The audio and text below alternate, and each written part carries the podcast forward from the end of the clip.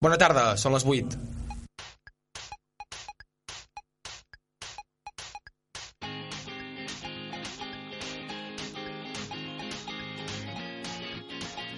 Al vespre, amb Jordi de Planell. El rei d'Espanya, Joan Carles I, ha anunciat avui una decisió que tenia presa des del mes de gener, abdicar en favor del seu fill, el príncep Felip. Els escàndols, el deteriorament físic i la deslegitimació de la monarquia, víctima del desgast de totes les institucions i del pas pel jutjat d'alguns dels seus membres més destacats, han dut el monarca a prendre una decisió irrevocable per intentar reflotar la imatge de la corona. Una feina titànica que en els temps que corren necessitarà de fer passos molt més arriscats que un canvi de cares si vol recuperar el prestigi perdut. Avui és un dia històric, transcendental en la història d'Espanya i una foto a priori tan simple com la d'un canvi generacional al capdavant davant de la jefatura de l'Estado, amaga al seu darrere un reguitzell de conseqüències que el nou rei Felip i en general l'actual sistema democràtic espanyol haurà de saber gestionar. Per una banda, caldrà treballar per, per legitimar el nou monarca, que no té a la motxilla el paper fonamental que el seu pare ha protagonitzat en el relat de la història recent d'Espanya. Més o menys qüestionat, el rei Joan Carles va tenir un rol destacat en el pas de la dictadura a la democràcia. Va ser el hub que va permetre el consens que els cigars de Carrillo, Suárez i Fraga culminarien, i això, sumat al seu discurs el 23 de febrer, ha permès a la seva institució gaudir d'una gran popularitat. Però la crisi, el qüestionament de l'estatu quo i els errors del monarca i el seu cercle més proper en els últims 3 anys han obert ferides estructurals gairebé més greus que les que pateix el propi Joan Carles i han fet necessari un canvi. El nou rei Felip VI no té, però, la legitimitat del seu pare i afronta el difícil repte de revitalitzar la institució amb una reina al costat que també s'ha qüestionat.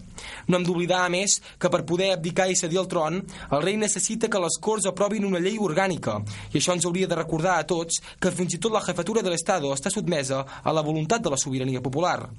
Potser seria un bon moment perquè Felip fes una aposta arriscada i convoqués un referèndum per legitimar-se i demostrar un canvi en la manera de fer, entendre i concebre el joc polític institucional. Aquesta obertura obre més l'altra gran porta de tot plegat, la possibilitat que amb el nou rei arribi una reforma constitucional que solventi els problemes d'encaix territorial. És el gran somni dels defensors de la tercera via, però sembla a hores d'ara poc plausible, per molt que amb el canvi de cares hi hagi la voluntat de vendre'ns la idea d'una nova Espanya. L'atzar ha volgut que el darrer dia de programa l'acomiadem amb una notícia que marcarà la història política d'Espanya i que pot ser fonamental en la manera d'afrontar els reptes del país pels propers mesos. I això òbviament, afecta Catalunya. 1714, Felip V. 2014, Felip VI. Que punyetera és la història. Es tancarà el cercle? No ho sé, però no oblidem que el 1990 el príncep Felip va dir que Catalunya serà el que vulguin els catalans. Veurem si té memòria selectiva. Són els 83 minuts, comencem al vespre.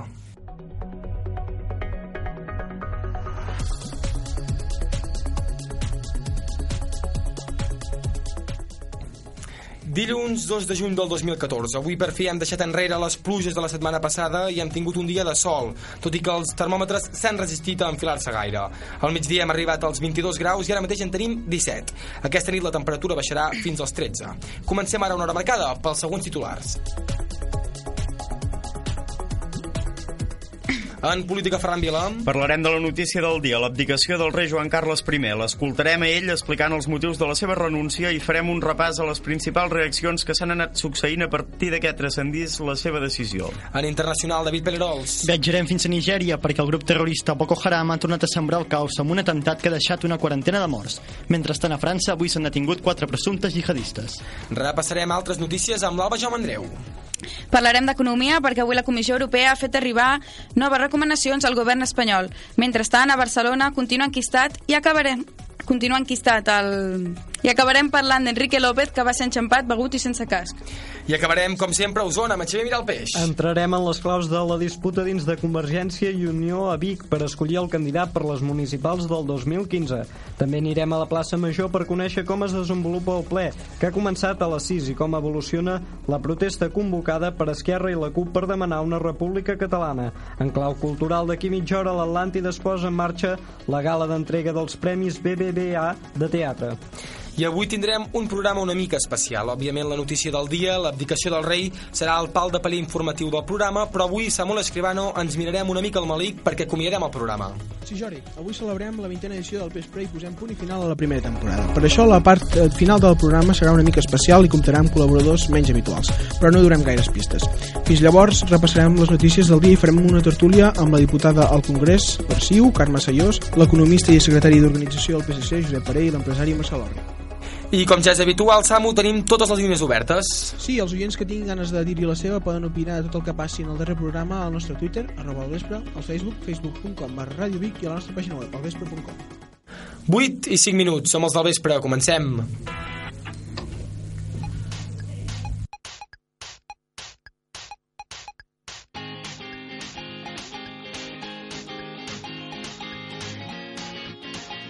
Al vespre, amb Jordi de Planell. 2 de juny del 2014, una data per a la història. Joan Carles I, rei d'Espanya, abdica. He decidido poner fin a mi reinado y abdicar la corona de España, de manera que por el Gobierno y las Cortes Generales se provea a la efectividad de la sucesión conforme a las previsiones constitucionales. El monarca ho ha anunciat aquest matí a través d'un missatge gravat i després que el president del govern, Mariano Rajoy, ho anunciés pocs minuts després de dos quarts d'onze del matí. Joan Carles I ha estat un rei sòlid que va conduir Espanya de la dictadura a la democràcia, però que no ha pogut superar els obstacles físics i els escàndols que han esclatat al seu entorn. 39 anys després, doncs, Espanya, Ferran Vila, donarà pas a un nou cap d'estat.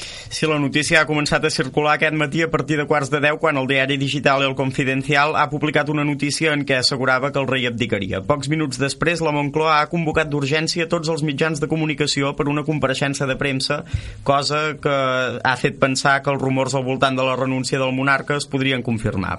Finalment, pocs minuts després de dos quarts de deu, el president del govern espanyol, Mariano Rajoy, ha comparegut en una intervenció breu en què s'ha limitat a llegir un comunicat. El líder de l'executiu ha confirmat les especulacions. Su Majestad el Rey Don Juan Carlos acaba de comunicarme su voluntad de renunciar al trono y abrir el proceso sucesorio.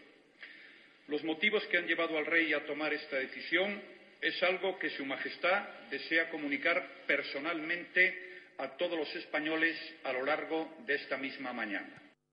I tal com pensava el president del govern, al cap de dues hores, a la una en punt, la Zarzuela ha fet públic un vídeo gravat al seu despatx en què el rei corroborava la seva decisió d'abdicar i n'explicava els motius. Joan Carles ha començat agraint als ciutadans l'esforç per construir una Espanya democràtica i ha mostrat el seu orgull pel llegat que deixa. El monarca ha afirmat que ha treballat per ser el rei de tots els espanyols i ha explicat que si bé la crisi ha fet molt mal a la societat espanyola, també li ha permès fer autocrítica i reafirmar-se com a nació. Estos difíciles años nos han permitido hacer un balance autocrítico de nuestros errores y de nuestras limitaciones como sociedad. Y como contrapeso, también han reavivado la conciencia orgullosa de lo que hemos sabido y sabemos hacer y de lo que hemos sido y somos, una gran nación. Segons el monarca, per superar aquesta crisi és necessària una renovació i l'entrada en escena d'una nova generació que, segons ell, està perfectament preparada per afrontar els nous reptes i desafiaments. Hoy merece pasar a la primera línea una generación más joven, con nuevas energías, decidida a emprender con determinación las transformaciones y reformas que la coyuntura actual está demandando y a afrontar con renovada intensidad y dedicación los desafíos del mañana. En aquest moment del discurs, el rei Joan Carles ha reconegut que havia pres la decisió al gener, quan va fer 76 anys, i ha afegit que el seu fill, el príncep d'Astúries, encarna les virtuts que el, que el context actual necessita.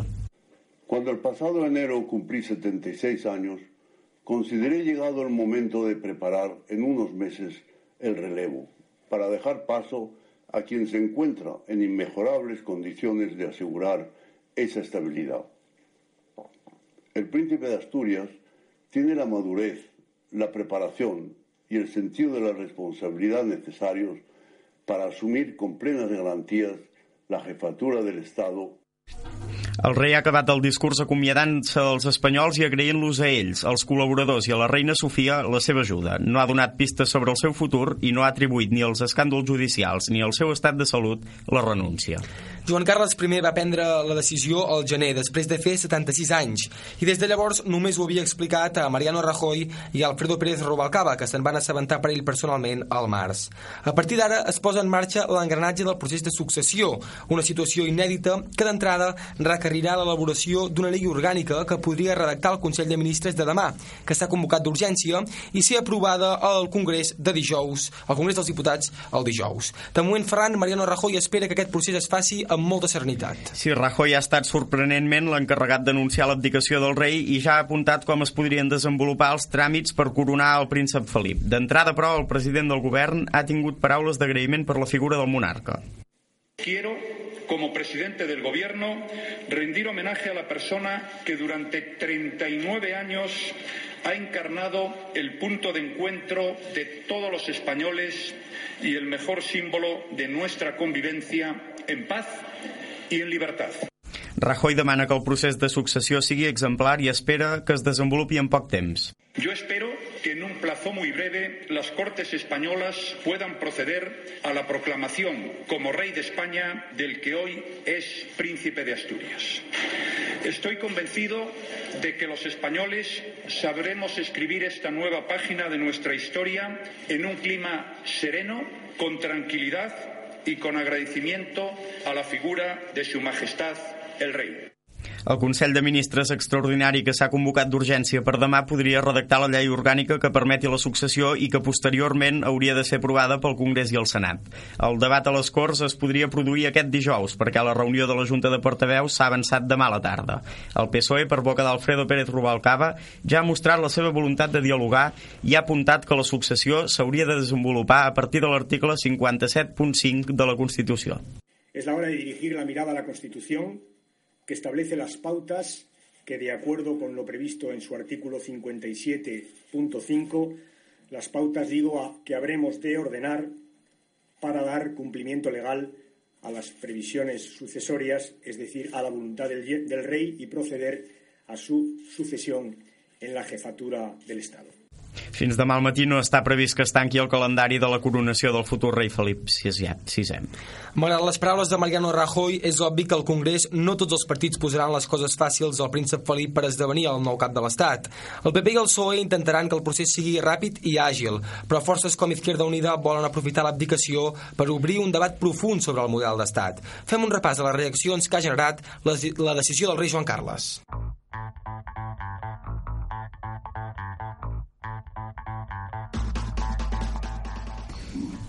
I comencem el capítol de les reaccions al Palau de la Generalitat. Aquest migdia ha comparegut allà el president de Catalunya, Artur Mas, per llançar un dels missatges més potents de la jornada. Mas ha assegurat que el procés no s'atura i ha instat el futur rei Felip VI a reconèixer el dret a decidir del poble de Catalunya. Ferran. El president ha recordat que l'abdicació de Joan Carles I s'ha produït en un moment excepcional en què els catalans estan especialment allunyats de les institucions espanyoles. Per això, Mas té molt clar que el canvi de monarca no variarà el full de ruta del procés procés català.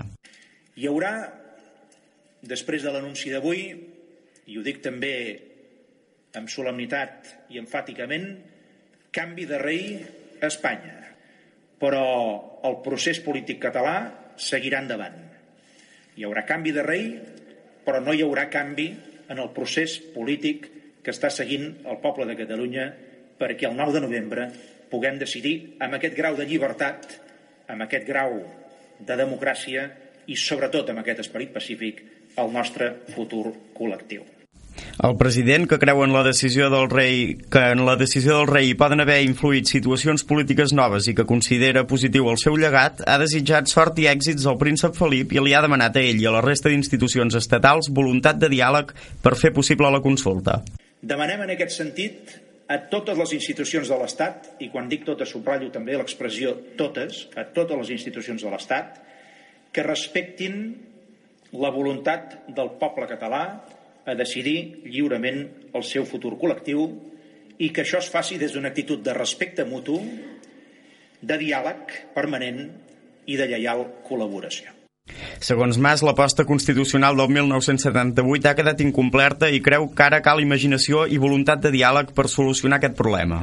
Els partits d'àmbit estatal també han valorat el llegat del rei i la seva decisió. Sí, el líder de l'oposició i encara primer secretari del PSOE, Alfredo Pérez Rubalcaba, ha llegit un comunicat en què ha agraït al rei la seva tasca i ha reafirmat el seu compromís amb la Constitució i, per extensió, amb la monarquia i el futur rei Felip.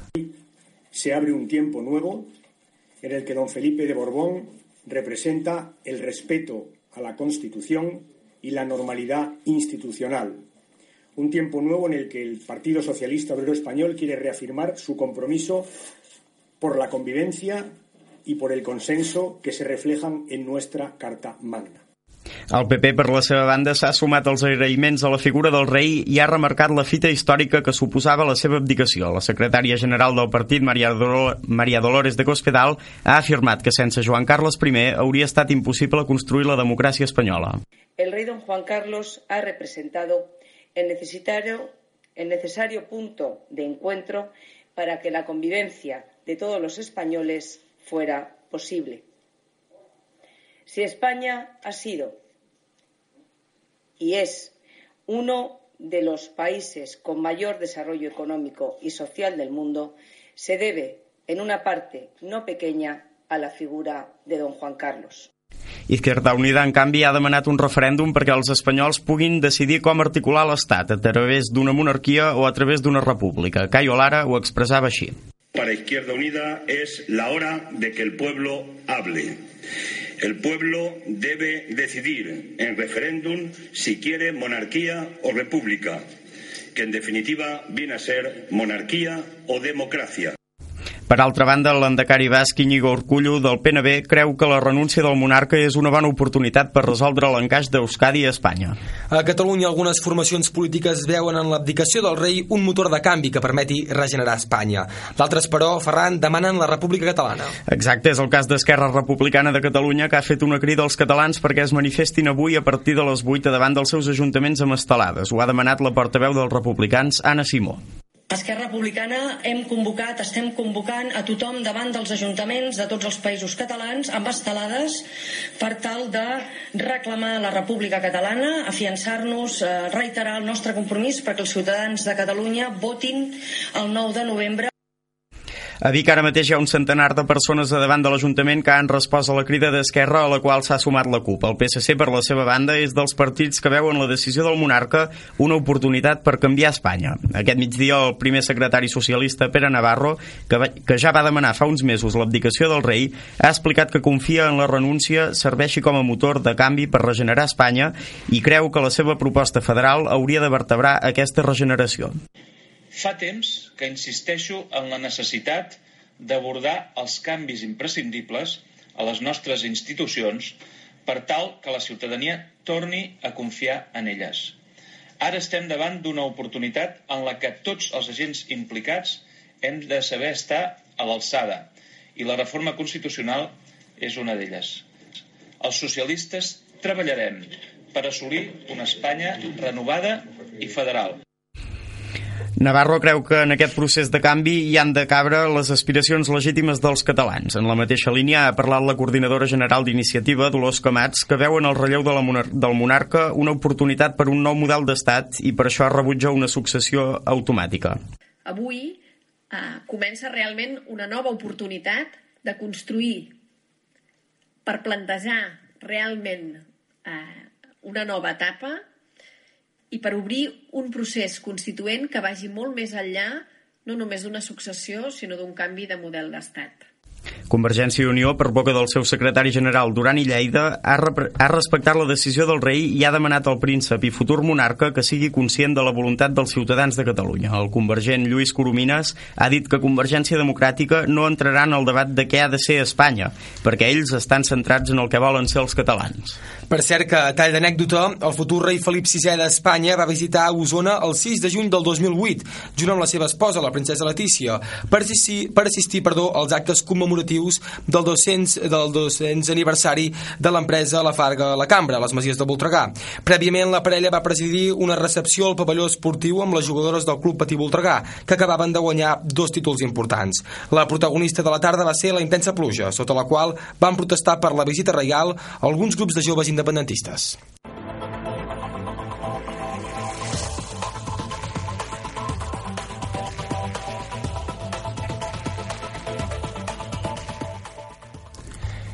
Deu minuts i dos quarts de nou del vespre per aprofundir una mica més en les causes i les conseqüències que envolten la decisió del rei Joan Carles d'abdicar, parlem en directe amb el vicedegà de la Facultat d'Empresa i Comunicació de la Universitat de Vic, el professor Xavier Ginesta. Bon vespre, senyor Ginesta, i gràcies per acompanyar-nos. Bon vespre, com estem, Jordi? Molt bé, i vostè? També anem fent. M'imagino que la notícia el deu haver sorprès tant com a la resta. Eh, de sorpresa a tots. De fet, jo he arribat al despatx aquest matí, eh, per aquelles qüestions de la vida no, es, no escoltava la ràdio quan anàvem al cotxe, i un company periodista m'ha vingut a veure al despatx per dir-m'ho, com que sap que sóc un, un enamorat de la política, doncs, eh, diguéssim que ha vingut a comentar-m'ho i llavors ja m'he pogut posar al dia.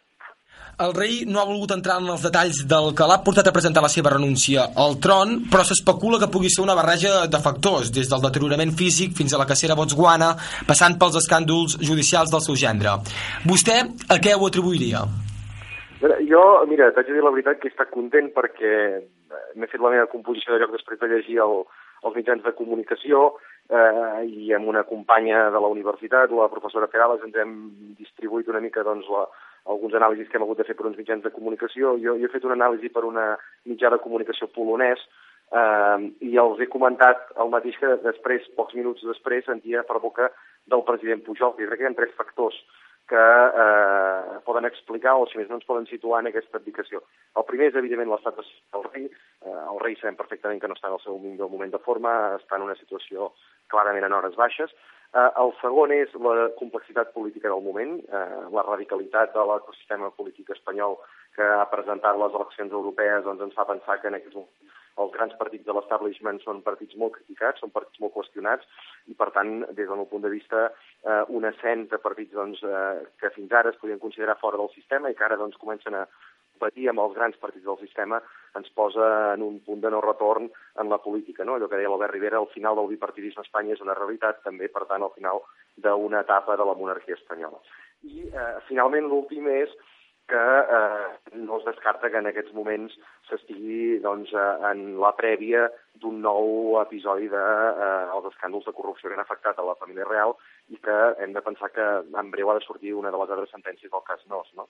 Llavors, a partir d'aquí, eh, sí que és veritat que mm, segurament Urdangarín possiblement no escapi a la presó i, per tant, és molt més eh, normal que sigui el, el cunyat el que estigui governant que no pas el gendre que tingui el, ah, que no pas el sogre que tingui el gendre a la presó. No? Per tant, jo crec que hi ha aquests tres factors que ens podrien ajudar a fer una composició de lloc.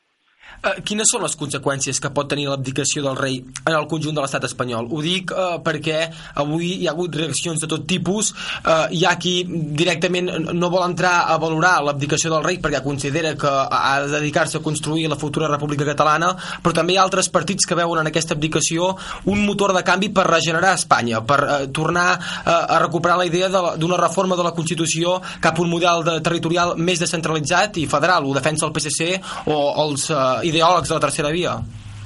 Eh, jo crec que hem de, situar, hem de plantejar-ho des del doble prisma, és a dir, no, no, no, no puc entendre eh, plantejar únicament aquesta, o analitzar aquesta abdicació des d'un punt de vista estrictament català i independentista, eh, ni puc interpretar doncs, l'anàlisi des d'un punt de vista estrictament de cultura política mm, espanyola, diguéssim, madrilenya, no? massatari, com, com dirien alguns. Jo crec que l'abdicació aquesta afectarà en tots els aspectes, és a dir, crec que s'ha fet en un moment realment molt complex, que evidentment és un moment que ens mostra que aquesta abdicació és més producte de la circumstància del moment que no pas d'una voluntat planificada. Segurament el rei tenia previst fer el pas endavant, però sí que hi ha algun factor que ha fet que aquesta abdicació es produeixi ara i no en un altre moment. És a dir, el moment és suficientment complex com que perquè un estratega polític no li recomanés anar al rei precisament abdicar en aquest moment. Per tant, per això la gent s'acaba la sobre si és per una qüestió de salut o és per una qüestió d'un empitjorament realment de, de totes les conseqüències del cas Nos. Però sí que és veritat que des del meu punt de vista hem de situar, per una banda, a nivell espanyol aquesta abdicació i si efectivament ens obre una porta a una modernització de l'Estat. Jo, en el company polonès, eh, del diari Rex República eh, em comentava doncs, una mica què suposava eh, Felip, Felip VI, no? i jo li deia que precisament segurament la figura de Joan Carles eh, primer el que suposava era la cara més decadent de l'estat espanyol en aquests moments i per tant que la figura de Felip VI suposava també doncs, el rejuveniment de la monarquia i per tant una imatge, un nou canvi de frame, eh? és a dir, Joan Carles de Borbó precisament ha, ha passat de ser un dels grans líders de la transició, valorat molt positivament per les generacions dels nostres avis, a ser un dels grans fracassos de l'estat actual, doncs valorant molt negativament per les nostres generacions i les vostres. A partir d'aquí l'aparició d'un nou actor en escena, com pot ser Felip VI, ens posa doncs, altra vegada una cara nova i, per tant, una voluntat de rejuvenir, de reposicionar la monarquia. Això a efectes espanyols, i per tant també a efectes espanyols, també els partits espanyols el que ens poden plantejar és si el que això ha de suposar és, com deia Pablo Iglesias, per una banda és eh, eh, un referèndum per tal de consultar la ciutadania si volen una república o volen realment entronitzar Felip VI, o per altra banda, doncs, com els grans partits de l'establishment i també els grans empresaris han dit, doncs, una voluntat de um, reposicionar la monarquia i de fer que Felip VI sigui una, una mica l'estandard de la recuperació econòmica de l'Estat. Uh, perquè, clar... Efectes, efectes catalans, perdoni, uh, efectes catalans, uh, el que ens hem de posicionar és plantejar-nos que el procés, jo crec que no, no, no acaba ni eh, es gira, no? És a dir, jo crec que Artur Mas, el president Mas, ha estat correcte quan ha dit clarament que el procés continuava i a partir d'aquí, doncs, eh, segurament el que sí que té clar Felip VI és que si realment és entronitzat, com això sembla que passarà, eh, té una carta de presentació prou complicada davant de la ciutadania de Catalunya, perquè haurà de front precisament com un dels, un dels primers reptes del, del, de la seva, del seu mandat, haurà de fer front a un procés d'autodeterminació d'una regió, d'una comunitat autònoma. Ah, ara deia, professor, que eh, el rei representava la cara més decadent de l'actual estat espanyol i que Felip VI pot ser la cara de eh, la renovació política i la renovació institucional. Però està realment prou legitimat eh, Felip VI? Ho dic perquè no porta darrere la motxilla que sí que portava de legitimació democràtica al seu pare i això el pot condicionar. I, i potser aquí és on entra en joc eh, el que plantejava, per exemple, Cayo Lara d'Izquierda Unida, que és la possibilitat de celebrar un referèndum perquè els espanyols decideixin si volen una república o volen una monarquia com a model d'estat? Sí, bé, és que precisament aquí les veus eh, més republicanes s'alcen per, per justificar que, que el, el príncep no està legitimat, no? Eh, bé, el que sí que està clar és que de moment Espanya és una monarquia i per tant com a monarquia eh, el, el tron és successori i per tant va a parar l'hereu a l'hereu masculí en aquest sentit, que és, és Felip, no? Llavors, a partir d'aquí, el que sí que està clar és que ens trobem en una situació en què, per una banda, per alguns no estarà legitimat, per altres, evidentment, la Constitució empara l'estat espanyol com una monarquia i, per tant, eh, podem plantejar-nos que sí que està legitimat. Eh, jo, jo sóc partidari de que eh, s'han de deixar córrer els esdeveniments i que, en aquest sentit, hauria de ser el, el Congrés dels Diputats el que acabi definint si realment s'ha d'anar cap a un referèndum o s'ha d'entronitzar Felip eh, VI. Jo ja em perdonarà, però evidentment eh, sóc partidari de la independència de Catalunya a nivell eh, personal i per tant vostè sap les meves tendències polítiques i m'és bastant igual si Catalunya s'ha de separar d'una monarquia o d'una república. Eh, jo crec que això ho ha de definir el Congrés dels Diputats i, hem de, jo, des del punt de vista, crec que sanament el Congrés dels Diputats hauria de debatre aquesta qüestió i els partits polítics haurien de posicionar-se en favor o en contra doncs, d'una reforma constitucional que ens permetés una república a Espanya o que eh, continués eh, mantenint l'estat, el, el model polític actual. Xavier Ginesta, vicedegà de la Facultat d'Empresa i Comunicació de la Universitat de Vic. Moltes gràcies per acompanyar-nos i bon vespre. Dos minuts per arribar a dos quarts de nou del vespre. Obrim crònica internacional.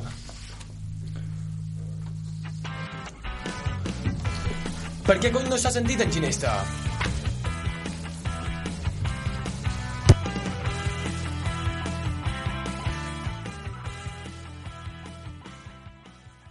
En el context de les monarquies europees, la decisió del rei Joan Carles no és gens estranya. De fet, des del 1997, quan la flor innata de la reialesa europea es va reunir a Espanya per celebrar el casament de la infanta Cristina, ja són quatre els monarques que han renunciat al càrrec per voluntat pròpia. Fem-ne un repàs, David Pererols. Dels deu països europeus que encara conserven el model monàrquic d'organització, quatre han vist rellevar voluntàriament els seus caps d'estat. El primer va ser l'any 2000, el duc Joan de Luxemburg. Força anys, força anys més tard, ja a l'abril de 2013, la reina Beatriu d'Holanda va fer el mateix pas i va abdicar en favor del seu fill Guillem Alexandre. Tres mesos després, el rei belga Albert també va renunciar al càrrec i va passar la corona al seu fill. I avui, 2 de juny del 2014, ha arribat el torn del rei Joan Carles. Tots els seus predecessors van abdicar amb naturalitat, al·legant motius d'edat i donant pas a les noves generacions per fer front als reptes de la societat post-crisi. El monarca espanyol ha utilitzat un argumentari molt semblant per explicar els motius de la seva renúncia. Tot plegat s'emmarca en un esforç de les monarquies europees per sobreviure en un món on es troben en franca minoria. Si al 901 a Europa només hi havia tres països en què el cap d'estat no fos un rei o una reina, a dia d'avui, un segle després, els valors s'han invertit i només 10 de la cinquantena d'estats del continent són monarquies. I quines han estat les reaccions dels líders internacionals a la renúncia del cap d'estat espanyol? La gran majoria de cancellers europeus consideren el rei l'artífex de la democratització del país. El president francès, François Hollande, ha afirmat que Joan Carles I encarna l'Espanya democràtica, en la línia del que ha dit el primer ministre britànic, David Cameron, que creu que el monarca ha fet molt pel seu país, especialment al llarg de la transició.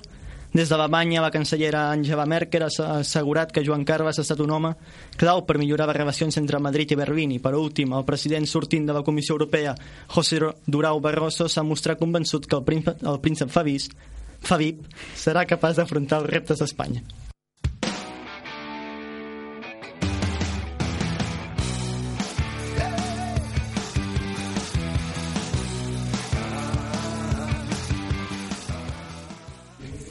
Passa un minut de dos quarts de nou del vespre, el terror torna a Nigèria.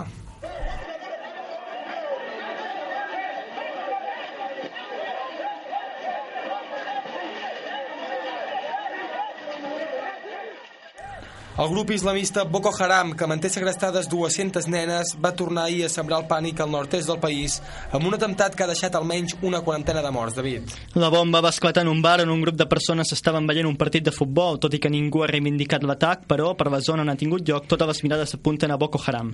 Els fets van passar ahir a les 7 de la tarda, pocs minuts abans que s'activés l'autofoc decretat des de fa mesos a la regió, precisament per intentar evitar les accions dels integristes. Es tracta del segon atemptat a 15 dies contra seguidors de futbol i en total sumen prop d'un centenar de víctimes. I en paral·lel a aquests atemptats, avui el ministre de l'Interior francès ha anunciat la detenció de quatre jihadistes vinculats amb l'enviament d'islamistes radicals a Síria. Els gendarmes francesos han detingut quatre persones en el marc d'una operació contra les xarxes jihadistes a la regió de París i al sud, i al sud del país, segons s'ha anunciat el ministre d'Interior francès a l'emissora Europa 1. L'operació s'ha fet després de la detenció divendres a Marsella del presumpte autor de la matança de quatre persones al Museu Jueu de Brussel·les el 24 de maig. El ministre ha explicat que les atencions d'aquest dilluns estan relacionades amb xarxes de reclutament de combatents enviats per integrar les files de jihadistes a Síria. 13 minuts i arribem a 3 quarts de 9 del vespre. Tenim més notícies que repassem amb l'Alba Jaume Andreu.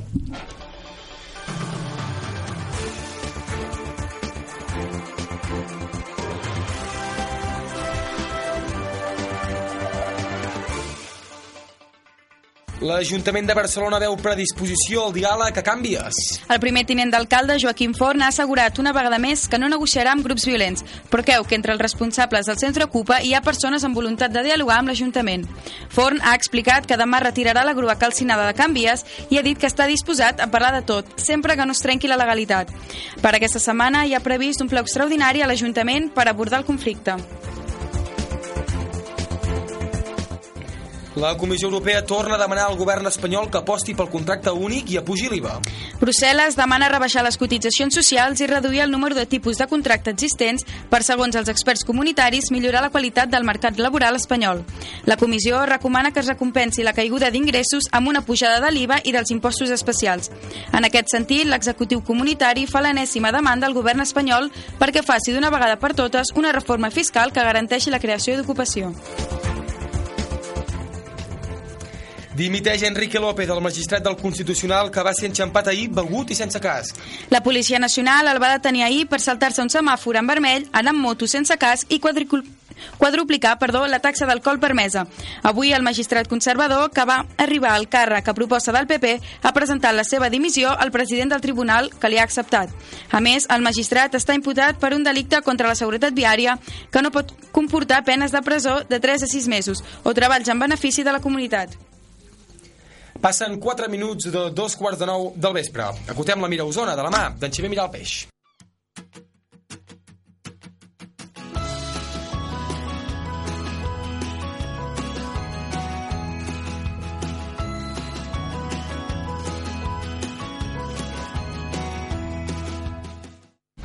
La cursa per escollir el candidat de Convergència i Unió a les properes eleccions municipals ja ha començat. Fa 15 dies semblava que més que una competició seria un monòleg i que després del tret de sortida només la convergent Anna R disputaria l'esprint. La setmana passada, però, Josep Arimany, l'home fort d'Unió Osona, va sorprendre tothom convocant una xerrada sobre la ciutat i anunciant que es postulava com a candidat de la Federació a Vic. La notícia va agafar per sorpresa tothom i ha esbotzat la placidesa de la seu del carrer Morgades, on tots esperaven col·locar el número 1 de la llista la seva candidata sense que hi hagués massa enrenou ni queixes d'una debilitat d'Unió.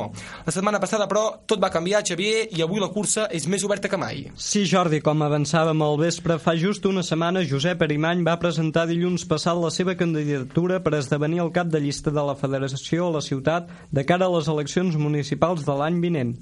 Els demòcrata cristià va matisar, però, que el seu pas endavant no volia que suposés una fractura en el si de Convergència i Unió, ja que considera que la coalició ha donat molts bons resultats a la ciutat. Escoltem-lo. I solament us vull dir que eh, treballaré, si, si jo sóc el, el, el candidat, el candidat de la, de la federació, que això depèn de la federació i, per tant, aquí jo em poso a disposició, i, i si no sóc elegit el candidat, també treballaré perquè sigui el candidat. Això ho tinc clar. No és, no, mm, nosaltres, com a Convergència i Unió, no podem crear cap fractura. Arimany va convocar tots els mitjans i els ciutadans que volguessin en una xerrada al temple romà titulada Una proposta de futur per a la ciutat de Vic. Amb un temple ple de goma a goma amb gent a l'exterior i altres seguint-ho a peu dret, Arimany va desgranar propostes de millora de la ciutat. I tot i destacar la feina feta, va discrepar amb l'actual alcalde Josep Maria Vila de Badal en projectes com la recollida porta a porta o l'eliminació del trànsit al centre de la ciutat. Al final de la seva conferència, en què va estar acompanyat pel conseller d'Interior i president del Consell Nacional d'Unió Ramon Espadaler i de la presidenta de l'executiva comarcal, Arimany va anunciar el seu pas endavant però va insistir que si ell no era l'escollit per la federació treballaria cols a cols amb, la, amb el candidat que sortís. Vic està molt maca. Tenim la universitat, tenim l'Atlàntida, tenim un museu episcopal impressionant. El que passa que nosaltres tenim d'anar units que eh, pensar que, que Convergència és el nostre enemic, no. Convergència és el nostre amic, és el nostre amic de la coalició. Per tant, jo treballaré, em comprometo aquí davant de tots, que si no sóc el candidat, perquè la federació ho, ho elegeixi, eh, treballaré per qui ho sigui. I treballaré en nom de Vic, i en nom de la ciutat i per vosaltres que sou els ciutadans. Malgrat les crides a la unitat, Arimany no va fer cap menció a ANR. I dimecres, dos dies després de l'anunci oficial de Josep Arimany, Convergència Democràtica de Catalunya va consumar un pas que ja feia setmanes que es coneixia i va investir Anna R, actual regidora d'Educació a l'Ajuntament de Vic, com a candidata dels nacionalistes a la ciutat. Sí, no hi, ha, sí, no hi va haver sorpreses i ara va ser proclamada la cap de llista dels convergents sense que tingués cap oponent, ja que només ella va presentar candidatura. L'assemblea local del partit, per tant, va consumar una decisió que es coneixia des que el procés intern s'havia engegat a principis de maig. I a Merra i Arimany, damunt del tauler, ara la partida és oberta. De moment, Xavier, ja han arribat els primers retrets. Sí, Jordi, dimarts passat, en una entrevista al Nou TV, el president comarcal de Convergència Democràtica, Joan Vergés, va lamentar que se li hagués comunicat la xerrada d'Arimany només amb una hora d'antelació i via WhatsApp. A mi m'han convidat, m'han convidat una hora abans, sí, una hora abans, amb un, amb un WhatsApp. Me'n vaig entrar pel 9-9 al matí com el vaig agafar, que hi havia aquest acte aquí a Vic. Li ha sigut greu aquesta forma sí, de procedir? Sí, sí, m'ha sigut D'unió? A mi m'ha sigut greu. Ho dic especialment m'ha sigut greu perquè nosaltres demà ho farem internament i ho farem en el local de Convergència Democràtica, que és tal com toca, Unió manté que, d'acord amb els pactes de la Federació, la capçalera els hi correspon a ells, mentre que Convergència aspira a recuperar-la, tal i com l'havia tingut fins que l'any 1991 Jacint Codina va rellevar a Pere Girbau com a candidat i alcalde. La cursa és oberta. Avui R i Arimany s'han vist les cares al ple municipal que ha començat a les 6 de la tarda amb un ordre del dia amb molts punts de tràmit, entre els quals destaquen la sessió gratuïta d'uns espais de la Farinera a la Fundació Universitària Balmes i la paga extraordinària dels treballadors municipals. El ple estarà marcat per l'abdicació del rei i per la protesta que ha començat fa mitja hora a les portes del consistori per reclamar la República Catalana. S'està repetint una imatge semblant a altres municipis de la comarca com Taradell, Roda o Prats de Lluçanès. 6 minuts per arribar a tres quarts de nou del vespre. Fem un apunt més encara en la crònica política comarcal, perquè avui hem sabut que la manlleuenca Núria Guillaumes és la nova tresorera de l'Assemblea Nacional Catalana. Sí, en el transcurs de la primera reunió del Secretariat Nacional de l'entitat que Guillaumes va ser elegida tresorera. Prèviament, en les eleccions, el Secretariat Nacional ja havia estat escollida membre d'aquest òrgan per delegació territorial, al costat dels també usonencs Marc Costa i Noemi Morral. Guillaume substitueix en el càrrec Oriol Sallàs i compartirà executiva amb la presidenta nacional Carme Forcadell, el vicepresident Jaume Marfany, tots dos reelegits i una nova incorporació, Antoni Morral com a secretari.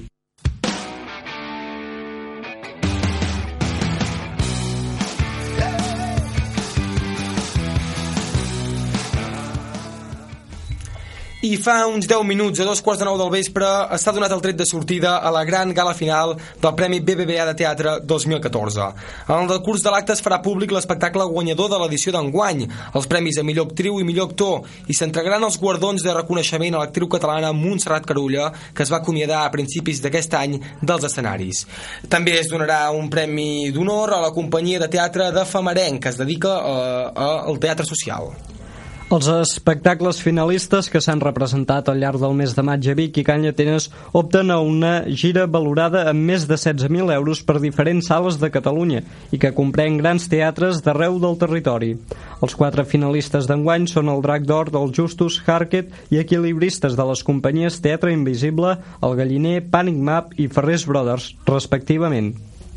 El guanyador serà escollit per un jurat presidit per Sergi Balbel i completat per Magda Puyó, directora d'escena, Pep Tugues, director del Teatre Auditori de Sant Cugat, Jordi Besomba, gerent del Teatre Cursal de Manresa i Joan Roure, actor, director d'escena i director del Premi BBVA de Teatre des del 2003. El conseller de Presidència, Francesc Coms, presideix l'acte que acaba de començar a la sala Ramon Muntanyà de l'Atlàntida. I dissabte un altre conseller, en aquest cas el de Cultura, Ferran Mascarell, va inaugurar al Museu Episcopal de Vic l'exposició Colors del Romànic. Mascarell va destacar a Xavier la importància de conèixer el passat per construir el futur. Sí, Jordi, i el conseller tampoc va estalviar elogis a la mostra titulada Pintar fa mil anys, els colors del romànic. Inaugurada dissabte, Mascarell va dir que l'exposició permet entendre els artistes del moment, però també aquells qui pensaven les obres i dirigien la seva confecció. El conseller va afirmar en un discurs inaugural que cal tenir consideració pel passat si es vol que un país miri cap al futur. Surt eh, amb tota convicció que un país que mira endavant, un país que és capaç de mirar endavant amb el sentit de construir, de mirar el futur, afrontar de cara al futur, és un país que té més consideració que mai pel passat. Eh? Acostumo a pensar que aquells països que no tenen consideració respecte del passat són països que estan encallats, que, que no miren justament endavant. L'exposició investiga la identitat dels pintors del romànic que van deixar quatre grans obres de la col·lecció del Museu Episcopal, els frontals de l'altar d'Espinelves, Puigbó, Lluçà i el Baldaquí de Ribes. La mostra s'ha finançat gràcies a l'aportació dels mecenes que formen part del cercle del Museu Episcopal de Vic, que han sufragat els 35.000 euros necessaris per tirar endavant l'exposició. 3 minuts i 3 quarts de nou. Moment de fer un cop d'ull al Twitter en un dia marcat per l'abdicació del rei Joan Carles I.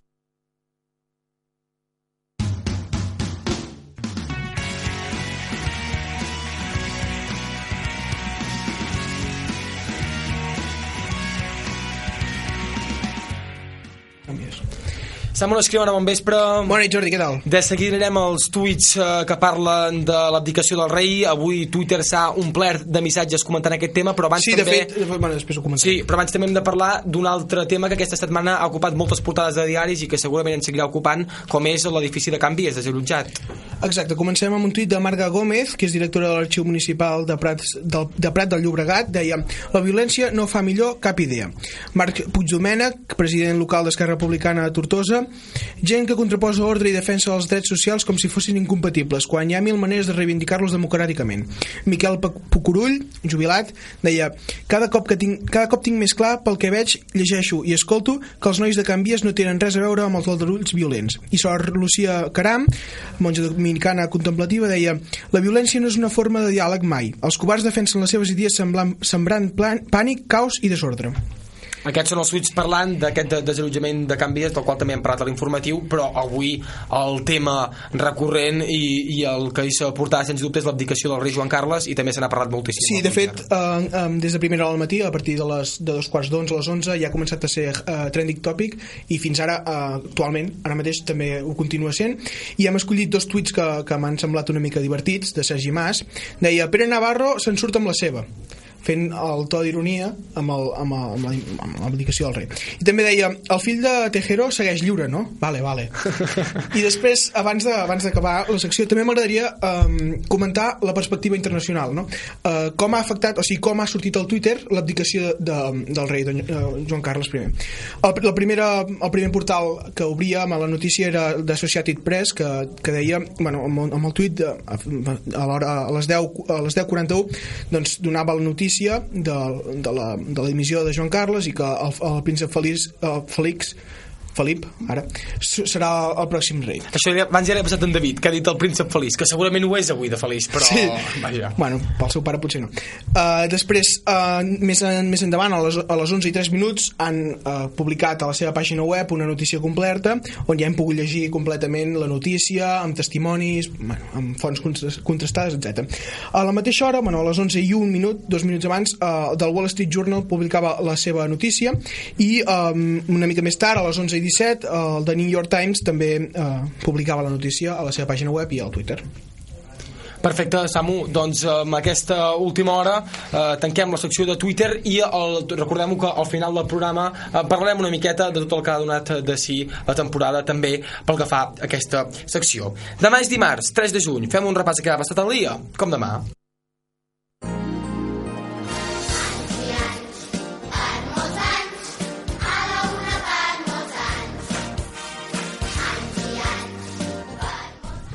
El 3 de juny és el 150, 150 quartè dia de l'any del calendari gregorià, queden 211 dies per acabar l'any. Què va passar un 3 de juny? Doncs el 2006 a Tarragona, el Nàstic de Tarragona aconsegueix l'ascens a primera divisió eh, després d'empatar a 0 contra el, el camp del Jerez. Ara està lluitant per pujar a segona. A segona.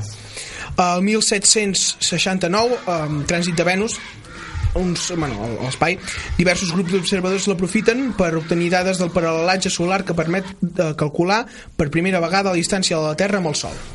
Carai. El 1950, la primera ascensió de la Napurna 1, la desena muntanya més alta de la Terra i una de les més complicades.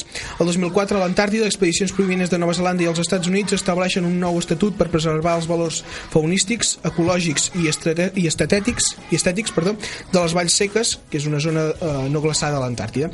I el 2004, a, Tasma, eh, 2004, a Tasmània, eh, Austràlia, aproven la protecció d'una zona del Cap Dyson, que és eh, una illa que hi ha al sud de la, de Austràlia. Qui va néixer un 3 de juny? Doncs el 1865 a Alcoi, Vicent Pasqual Pastor, arquitecte valencià, el 1931 a Barcelona, Alfons Borrell i Plasson, pintor abstracte català, el 1986 a Manacor, Rafael Nadal, jugador de tenis professional, el 1925 al Bronx, Nova York, va néixer Tony Curtis, que és actor de cinema nord eh, nord-americà. I qui va morir? Doncs el 1883 a París, Carl Well, pianista i compositor txec. El 1924 a Kirling, el, en aquell moment l'imperi austro-hongarès, Franz Kafka, eh, escriptor d'origen jueu de llengua, en, llengua, en llengua alemana. I el 1963 a la ciutat del Vaticà, Joan, Pau, eh, Joan III, 23, perdó, Joan 23, eh, que havia estat papa de l'Església Catòlica, i el 2009 a Bangkok, a Tailàndia, David Carradine, actor de cinema nord-americà. I acabem amb les festes i commemoracions. Doncs mira, demà és el sant dels Llucià, dels Claudis, dels Isaacs i dels Davís.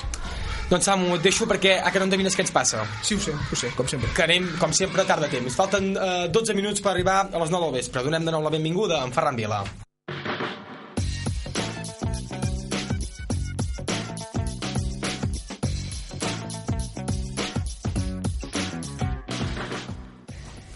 Avui és l'últim programa de la temporada del vespre i per aquest motiu hem volgut transformar la secció de les pífies que ens porten Ferran en una espècie de llista amb els moments més divertits que ens, ha deixat, que ens han deixat els companys de la resta de mitjans al llarg d'aquests sis mesos de programa, eh, Ferran? Exacte. Doncs Farem vinga, un repàs de lo més important i és que des d'aquí hem viscut moltíssimes coses. Sens dubte una de les més importants d'aquest any a la tele ha estat els canvis en els informatius de TV3. Recordem com valorava Rocío Martínez Sampere el nou plató. Sí, fel- felicitats pel nou plató. Estem molt orgullosos de poder ensenyar aquesta... M'agrada molt el color verd, que és l'única cosa que no es veu del plató, perquè és un croma. Mm, està bé, és una bona valoració, una valoració maca, maca, maca. Uh, Rocío Martínez Sampere, sobretot des que es va presentar a les primàries pel PSC de Barcelona, ens ha deixat moments molt Ens divertits. n'ha en aquesta deixat moltíssim, sí. Avui només recuperarem aquest, però ens n'ha deixat molts més, sí, sí. Va, recuperem-ne més. Va, recordem unes valoracions que ens va fer una altra noia, en aquest cas no era la Martínez Sampere, era una altra. Però hauria pogut ser. Però hauria pogut ser, perquè si ja ho veureu ara, que això, que valorava els tres toms. A què és el que més us agrada d'aquesta festa? La peste a, a caca de caballo, la verdad. ¿Cómo, cómo? La peste de las cacas de los caballos, eso es lo que no agrada mucho. Lo que no agrada. ¿Y lo que, y lo que gusta más? Pues todos los caballos y todo, y ese año han tirado muchos caramelos y todo. Y lo Els carmels, els carmels, eh? Mireu quina cara que fan, eh? Els carmels, eh? Què és el que més us agrada? La caca de cavall. Molt bé. Però és a la part esplèndid. final també, quan ho intenta arreglar De fet, i diu sí. un poco los caballos i... tot plegat, pobre reporter es va quedar amb una cara de quadros i no només els tres toms de l'àrea metropolitana deixen perles sinó que Prats també no ens hi posem pas per poc uh, escoltem la Conxa Soc andalusa, fillet. Però vol dir que... Però fa 60 anys que me vaig casar con un català. Molt bé, deixem les paraules en ruta. Com li va amb el català? senyora? Molt bé. Molt bé, de va marxar, se va anar al cel. Bueno, home. pobre Espartac sí. mm, és un moment d'aquells que dius ara m'acaba de caure S- Sempre passen aquests programes quan entrevistes a gent Sí. d'aquest tipus i comences a parlar de marits i de, amb viudes mal, mal, Sempre malament, malament coses. acabaràs malament seguríssim i aquí aquest programa també hem parlat bastant del Manel Arroyo que va fer els primers passos com a periodista aquí mateix, a Ràdio Vic just quan s'estrenava com a vicepresident del Barça en l'àrea de mèdia i comunicació li passava això però quan no esté solucionat la comunicació interna no seria millor no parlar de global quan no esté solucionat el tema No, però és que intern? són, són dues coses que han d'anar absolutament paral·leles. Que vostè comunica és evident, perquè li ha sonat ja dues vegades el WhatsApp del seu mòbil. Jo li demanaria, sisplau, que el podem aturar, no fos cas que tinguem alguna interferència, però queda clar les dotes, les dots comunicatives del nou responsable de, de l'àrea, del nou vicepresident de l'àrea de comunicació i mèdia del Futbol Club Barcelona. Home, efectivament, dots comunicatives en tenia, no ho negrem. Sí, sí. Comunicava amb els que el trucaven segur que comunicava. I tant. I això com a mínim.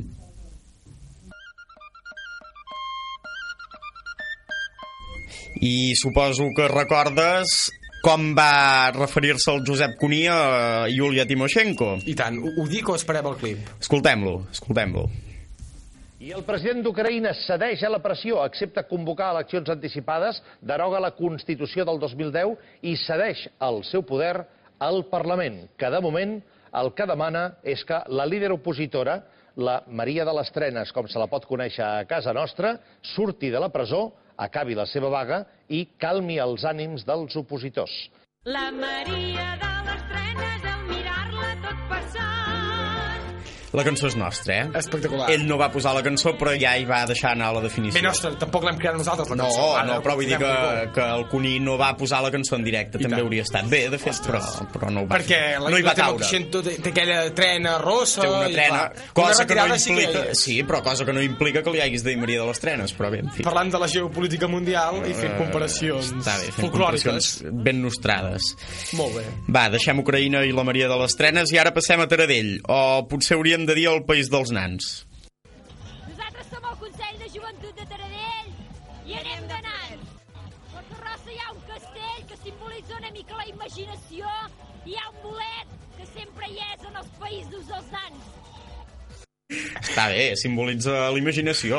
I tant. És una noia que Veure això... la cara d'aquesta noia en les imatges de la televisió Era extraordinari. espectacular i també molt nostrada, com la Maria de les Trenes. Oh, i tant. D'aquí Taradell, una molt, noia molt... Potser en Xavier en sabria dir qui és. Potser sí. Potser la podríem emmarcar també en algun personatge així folclore i català. Li hauríem de demanar. Continuem. I ara tornem al plató de TV3 que comentàvem abans, aquest cop per recordar la reacció del presentador dels esports, l'Artur Peguera, davant del desastre que acabaven de veure els telespectadors, perquè la càmera s'havia tornat boja i enfocava on volia, per dir-ho d'alguna manera. Doncs després de gairebé dos dies de festa, el Barça ha tornat a la feina, ja centrat en la preparació del clàssic de diumenge, Artur. Sí, a veure si acabem de sentar nosaltres també, perquè ens ha quedat una mica, aviam, com, com el Barça estava fa uns dies, ara està ja més centrat, i els jugadors del Futbol Club Barcelona saben perfectament que un és que realment era un moviment molt brusc, eh? Era impossible fer veure que no havia passat res. Uh, hem començat aquesta secció uh, recordant com uh, parlava Rocío Martínez Sampere dels platons del Telenotícies. Quedem-nos al Telenotícies perquè ens ha deixat moments molt bons. Ens ha temporada. deixat moments boníssims. Uh, ara en toca un d'aquells que, que marquen un abans i un després. Escoltem la veu primaveral que se li va quedar al Toni Cruanyes. Tomàs, com anirà aquest canvi d'estació? Doncs eh, començarà molt primaveral, començarà doncs, amb aquest aspecte de, de temps serè, però ja aquesta tarda amb algun primer ruixat Està bé, a més a més amb una musiqueta Clar, de fons. és que la musiqueta ajuda, ajuda molt a donar-li un to. Clar, és, és maco, és, és, és fer els telenotícies més tendres, si no són molt impersonals, està bé, està bé. I a més a més, uns dies abans, recordem què li havien fet fer al Polònia. Sembla que s'acosta la primavera, oi? És clar, cada puto any per aquestes dates passa el mateix. És bo perquè això era anterior a que passés de debò, és a dir que sí, sí, els de Polònia la van, la van encertar, però o de potser ple. és que Antoni Cruanyes es va inspirar en la seva imitació del Polònia Potser sí. per presentar la Potser, primera. potser ho va dir així per enfotre's del Polònia. Aip. Mm, no ho sé, potser hem Li descobert podríem el seu demanar, barall, li podríem eh? demanar, sí. I ara, seguríssim que recordareu aquell noi que es va despullar davant de la Venus de Botticelli. Recordem les seves explicacions, realment espectaculars. Bueno, jo el primer que vull dir sí. és que aquesta entrevista també serà una performance. Ah, sí? Sí. I es dirà anticlímax. Per què? Sí. Perquè tothom, a casa seva, està esperant que jo ara em despulli, sí. que em posem un la taula... Per què? No, home, no, que comenci per a fer coses estrambòtiques i no faré cap d'aquestes coses. No, no, jo espero que no ho facis, sincerament. No, no.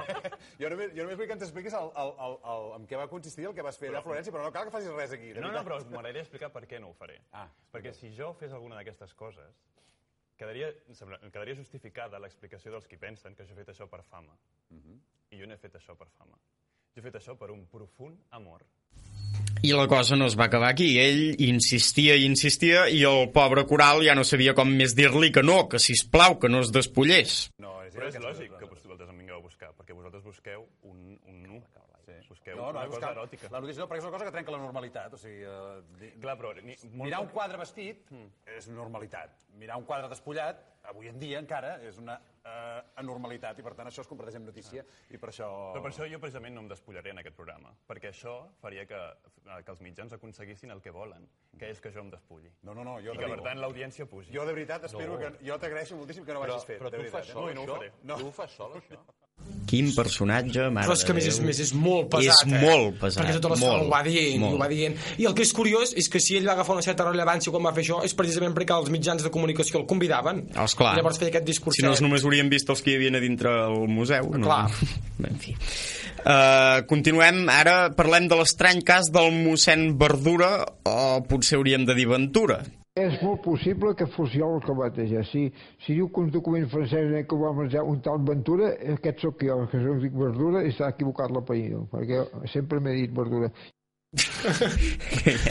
Encara no hem estat capaços de resoldre com es deia aquest mossèn, és oi, que jo crec final? que és impossible de resoldre-ho. Perquè és que no ho sap ni ell. El reporter s'hi fer- referia com a verdura. Ell hi havia algun cop que es deia Ventura, però algun altre cop es deia Deia verdura. verdura. Mm, no sé, en fi. Si ell ha pogut viure tots aquests anys, perquè era un senyor ja gran, diguéssim, si ha pogut viure tots aquests anys amb aquest neguit, jo no seré jo qui, qui ara li espatlli el tema. Doncs ho deixarem, deixarem que tiri. Endavant, que Que piqui, milles. que piqui. Exacte. I ara no ens podíem oblidar de la nostra amiga Helena García Melero i el gran moment que ens va donar fa uns pocs dies amb el convidat al programa. Allà va donar-se compte de que jo dominava totalment el francès, perquè jo parlo set idiomes, Caram. i entre ells el francès, sí, a la perfecció. A més, no, no em del dir-ho perquè estic disposat a demostrar-ho allà on sigui. Ah, doncs, escolti, si vol fer un... Vaja, anar canviant, vull dir, aquí no, Non, tenim cap si problema. voulez, je continue et je parle français. Ah oui, très bien. Pour moi, c'est la même chose. But if you, if you want, you can, you can follow in English. It's good, Other, it's good. ich kann continue in German, in, in Deutsch. Fantastisch. Eh, io può, può continuare a parlare l'italiano, che Bravo. una, è una parola che mi piace moltissimo, perché la parlo dall'amore.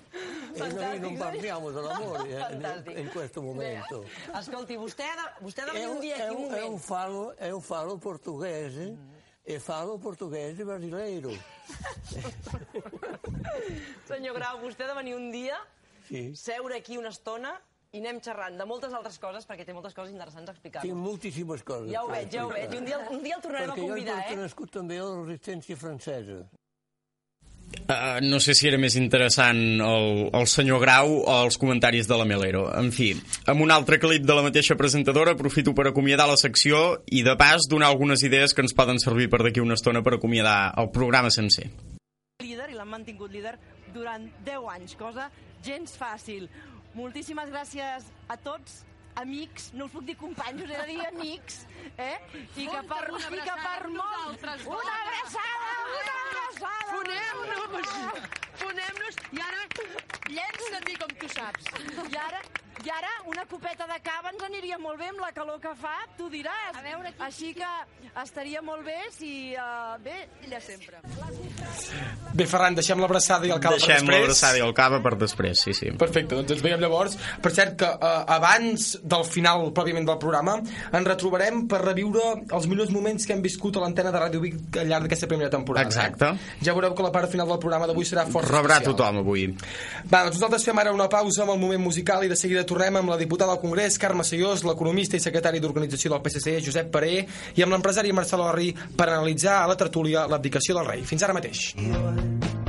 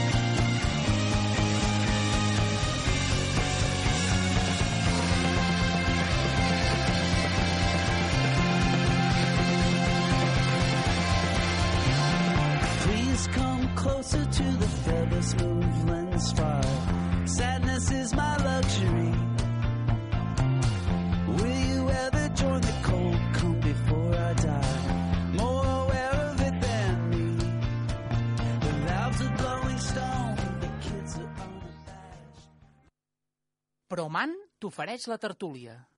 Passen dos minuts de les 9 del vespre. La tertúlia.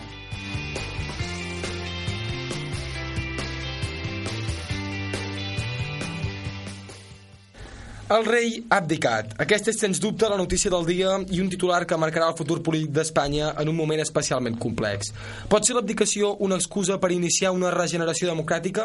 L'arribada de Felip a la corona pot obrir la porta a una nova manera de fer política i impulsar una reforma constitucional? S'obre un nou camí ple d'incerteses que ara intentarem eh, dibuixar amb en Josep Paré, economista i secretari d'organització del PSC Osona. Bon vespre, gràcies per acompanyar-nos. Bon vespre, a vosaltres. Amb la diputada del Congrés eh, per Convergència i Unió, Carme Sellós, gràcies també per ser aquí. Hola, bon vespre. I amb l'empresari Marcel Orri, bon vespre. Bon vespre. Aquest matí ha arribat la notícia. El rei Joan Carles I ha decidit abdicar i cedir la corona al seu fill Felip. Us sobta que justament ara, quan l'escàndol no semblava controlat i la cacera botsguana ja força oblidada, que el rei hagi decidit fer aquest pas, que diu que ja tenia pres des del gener? Bueno, nosaltres eh, eh, en el Congrés no, no, la veritat és que no se'n parlava. Sí que es, es tenia una miqueta de, de coneixement de que alguna cosa passava a la corona però la veritat és que no sabíem, no sabíem res. Pep. Jo crec que més que sorprendre és avançar-se a uns esdeveniments. Ja el, el Pere Navarro va dir fa un any o sis, si no recordo, i fins i tot va ser motiu de, de burla en diferents àmbits, però en canvi la situació actual és molt complexa i jo crec que és una, un pas endavant que s'ha de- d'agrair i evidentment tindrem tota la tertúlia per valorar els pros i contres que això suposa. Mm.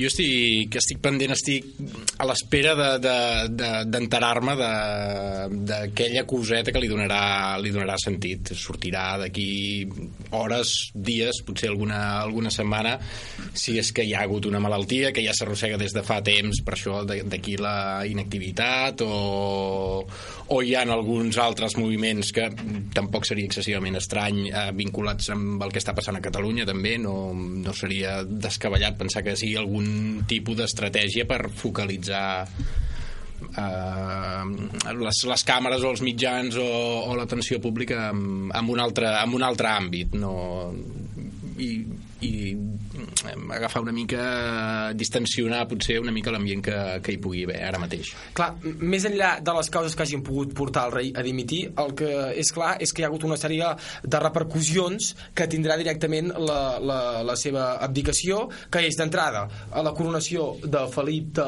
del príncep Felip, que es convertirà en Felip VI, però per sobretot avui també cada partit polític eh, s'ha agafat una miqueta l'abdicació del rei per utilitzar-la en favor del seu argumentari.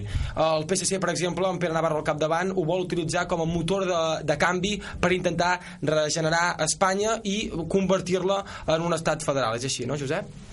Jo crec que sí, i, i per exemple, jo l'últim dia que vaig venir aquí a la tertúlia vaig dir que el procés del 9 de novembre és important i evidentment és interessant per Catalunya, però que abans s'havia de fer una parada i que no podíem obviar les eleccions europees, que marcarien un abans i un després en funció dels, dels resultats. Jo crec que els resultats van ser molt diferents dels esperats, no només pels partits grans, sinó per la reacció d'aquí a Catalunya, i és lògic que amb la situació, amb la decisió que s'ha pres avui, doncs encara més tots els partits polítics facin un pas endavant per remarcar les seves posicions. Jo crec que el Pere Navarro i el PSC en conjunt fa temps que demanem que hi ha d'haver una solució pactada, que el referèndum evidentment s'ha de urnes no, convocar. no es van comprar aquest discurs, però, eh? Bueno, vam quedar tercers i jo crec que en el moment que estem... Amb 350.000 vots menys. Sí, però això és el de menys, perquè quan a les eleccions a Catalunya... No, però també hem de fer la lectura que toca.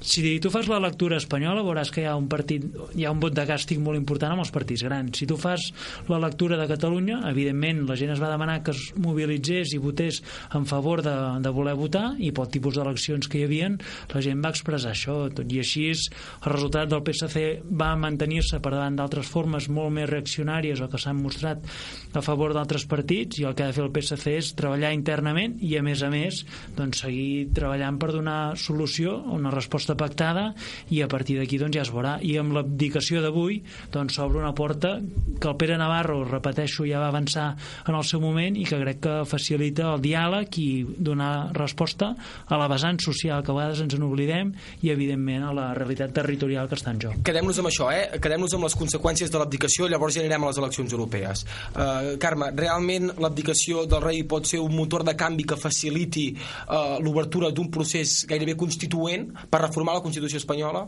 A veure, eh, quan, quan el rei, diguéssim, està educat d'una- manera i la Casa Reial doncs, eh, és bastant conseqüent, no? És més conseqüent la Casa Reial que no pas el govern espanyol, no? Ni, ni les Corts. I ni molt menys el PP, ni els socialistes, ni, ni d'allò, no? Per tant, jo penso que el rei, eh, òbviament, ha informat eh, prèviament a, a tothom. Quan dic a tothom és a tothom, i de, de la seva decisió una cosa és que la seva decisió l'hagi pres amb, amb anterioritat que, i, i diguéssim i, i ho diu ara però jo crec que, que, que, ho- que ho fa bé aquestes coses, la Casa Reial malgrat ens pesi doncs ho fa bé no? home, l'abdicació no està prevista en la Constitució i per tant deixa una, mi- és, és un buit per tant eh, només diu que, que en cas que hi hagi l'abdicació doncs es farà mitjançant una llei orgànica i En teoria, perdó, eh, per, per, per posar el full de ruta que s'havia plantejat avui, un, en, demà el Consell de Ministres hauria de redactar aquesta llei orgànica del procés de successió i sembla que el dijous hi hauria ple del Congrés dels Diputats per discutir-la i aprovar-la. No, sí, Carme? sí. Sí, Val. sí, això va així i el que passa que, bueno, per, perquè s'aprovi una llei orgànica és que hi ha d'haver-hi una, una, una majoria absoluta i això vol dir les dues terceres parts del, del Congrés, no? dels diputats. Per tant, això vol dir que PP i PSOE han pactat prèviament, perquè si no no, no es compliria la, el requisit de llei orgànica. I després hi hauria, doncs, s'obriria realment una, una crisi important, no? Vosaltres quina posició adoptareu el dijous? Nosaltres, eh, de moment, eh, aquest no és el nostre debat i per tant ja, ja veurem quina, Però us haureu de posicionar. posiciona- sí, qui veure, qui, nosaltres eh, tant ens fa que, que ha el, a veure, per, Per tant, diguéssim, anireu a per l'abstenció? Anireu a l'abstenció si tant, no si tant us fa? sabem, no ho sabem. O sigui, diguéssim, per Catalunya la, la, el, el rei mm, sempre ens ha respectat i per tant eh, per- a partir d'aquí nosaltres no, no diem ni bé ni malament, no? respectem el que, el que decideixin els, els espanyols que volen ser i nosaltres eh, el 9 de novembre estem abocats cap allà i per tant votaríem eh, eh, una abstenció sempre i quan el futur rei d'Espanya, si és que realment es decideix que, que hi hagi un, un nou rei eh, a l'estat espanyol, doncs deci, eh, que, que, que, bueno, que ens respectés, no? perquè una de les funcions que té el rei d'Espanya és respectar les comunitats que hi han. Marçal. Sí, una, una petita proposta. No podríeu presentar alguna esmena per, per fer un canvi i deixar el tema aquest dels Borbons i anar cap a la Commonwealth? Ja, ja que som tan monàrquics, això, almenys ens apuntem a, a un club gran i, i que, valgui, que valgui la pena i en sigui No és el que dic, a nosaltres tant ens fa com a, com a regenti, diguéssim, Espanya, no? posats a triar. Si, si, si decideixen doncs, que volen ser, o, o continuar sent monarquia parlamentària, doncs que sigui monarquia parlamentària, però a nosaltres tant ens fa. Si diuen Però, que però no, dins d'haver de doncs ser monarquia, ja que, mira, això sembla que no ens ho deixaran triar, no, no podríem triar quina, quina, quina volem, perquè, clar, som els únics tontos a tota Europa i a tot el món que ens mengem a... Els Borbons. La família, sí, correcte. Bueno, si vols jo faig una proposta, jo vull ser reina, i en tu. Molt bé. Em penso que no em triaran. Josep. Jo crec que aquí hi ha diferents coses. A mi em sorprèn que el senyor Duran no tingui clar el seu vot. Jo crec que avui en moltes tertúlies ho deien que el discurs que està fent Convergència està molt bé, però que ens agradarà veure realment el senyor Duran Lleida com es posiciona el proper dijous, tant per la vinculació que té amb Espanya com precisament amb l'afinitat personal que ha tingut amb el rei i, i precisament és el que avançàvem, no? de que la monarquia fins ara ha tingut un paper més o menys conciliador, evidentment doncs, hi ha hagut moviments els últims anys doncs, que ells han hagut de prendre part, però ara ja tant per l'estat físic com fins i tot els escàndols que l'havien emmarcat ja havia quedat totalment desacreditat per poder liderar un procés engrescador i per tant jo crec que el relleu obre moltes portes. Que el PP i el PSOE han pactat això es pot donar per suposat. Avui sentia que la llei orgànica no només serà de, de majoria absoluta sinó que serà de lectura única que fins i tot agilitza molt més els tràmits i que és aprovació única al Congrés i al Senat vol dir que segurament serà uns tràmits molt ràpids i a partir d'aquí doncs s'obriran moltes portes que són les que el, el príncep Felip actual i el futur rei d'Espanya doncs, han de liderar i intentar doncs, que aquest procés doni resposta a totes les necessitats i que evidentment doncs, Catalunya en pugui sortir reforçada. Sí, però jo diria, o sigui, mm, a veure, Josep, amb molt d'estima, mm, si, si em dius que eh, en Duran doncs no, diguéssim, fa les seves declaracions a les tertúlies, el que sí que m'estranya moltíssim és que els socialistes votin a favor de la llei orgànica de la successió de la corona. Perquè, és clar, si el que realment voleu com a PSOE és un estat federal, això us tanca realment la porta. Jo crec que són diferents possibilitats i que no. avui se n'ha obert una de, No, no, de no. molt important és és que nosaltres teníem un rei que... tant. Jo penso que les coses han de dir pel seu nom. El rei que Sí, sí, tenim avui en això. dia estava caducat i per tant és una vergonya que en el moment que estàvem doncs el jefe d'estat doncs, estigués en la situació que estava que ja fins i tot estava impedit per fer la seva feina amb el rigor i la tenacitat amb Però, què l'havia perdona, fet. Josep, però concretant el que deia la Carmen, a a la Carme, perdó, vosaltres introduireu eh, en aquesta llei orgànica alguna esmena que camini cap a aquesta Espanya federal que proposeu? Jo vinc de les joventuts socialistes i nosaltres el nostre ideari és republicà. Per tant, a partir d'aquí, jo a títol personal, si t'hagués de dir el què, et diria que evidentment s'ha d'avançar perquè, Catol perquè Espanya s'estructuri en una república i a partir d'aquí es doni resposta a l'estat federal que defensem des del PSC. Però, però, però el PSOE introduirà però alguna esmena clar al- el moment de la llei orgànica per caminar cap a una Espanya federal o simplement eh, aprovarà la, la, que, que el príncep Felip rellevi el, el príncep... Perdó, el, el rei Joan Carles.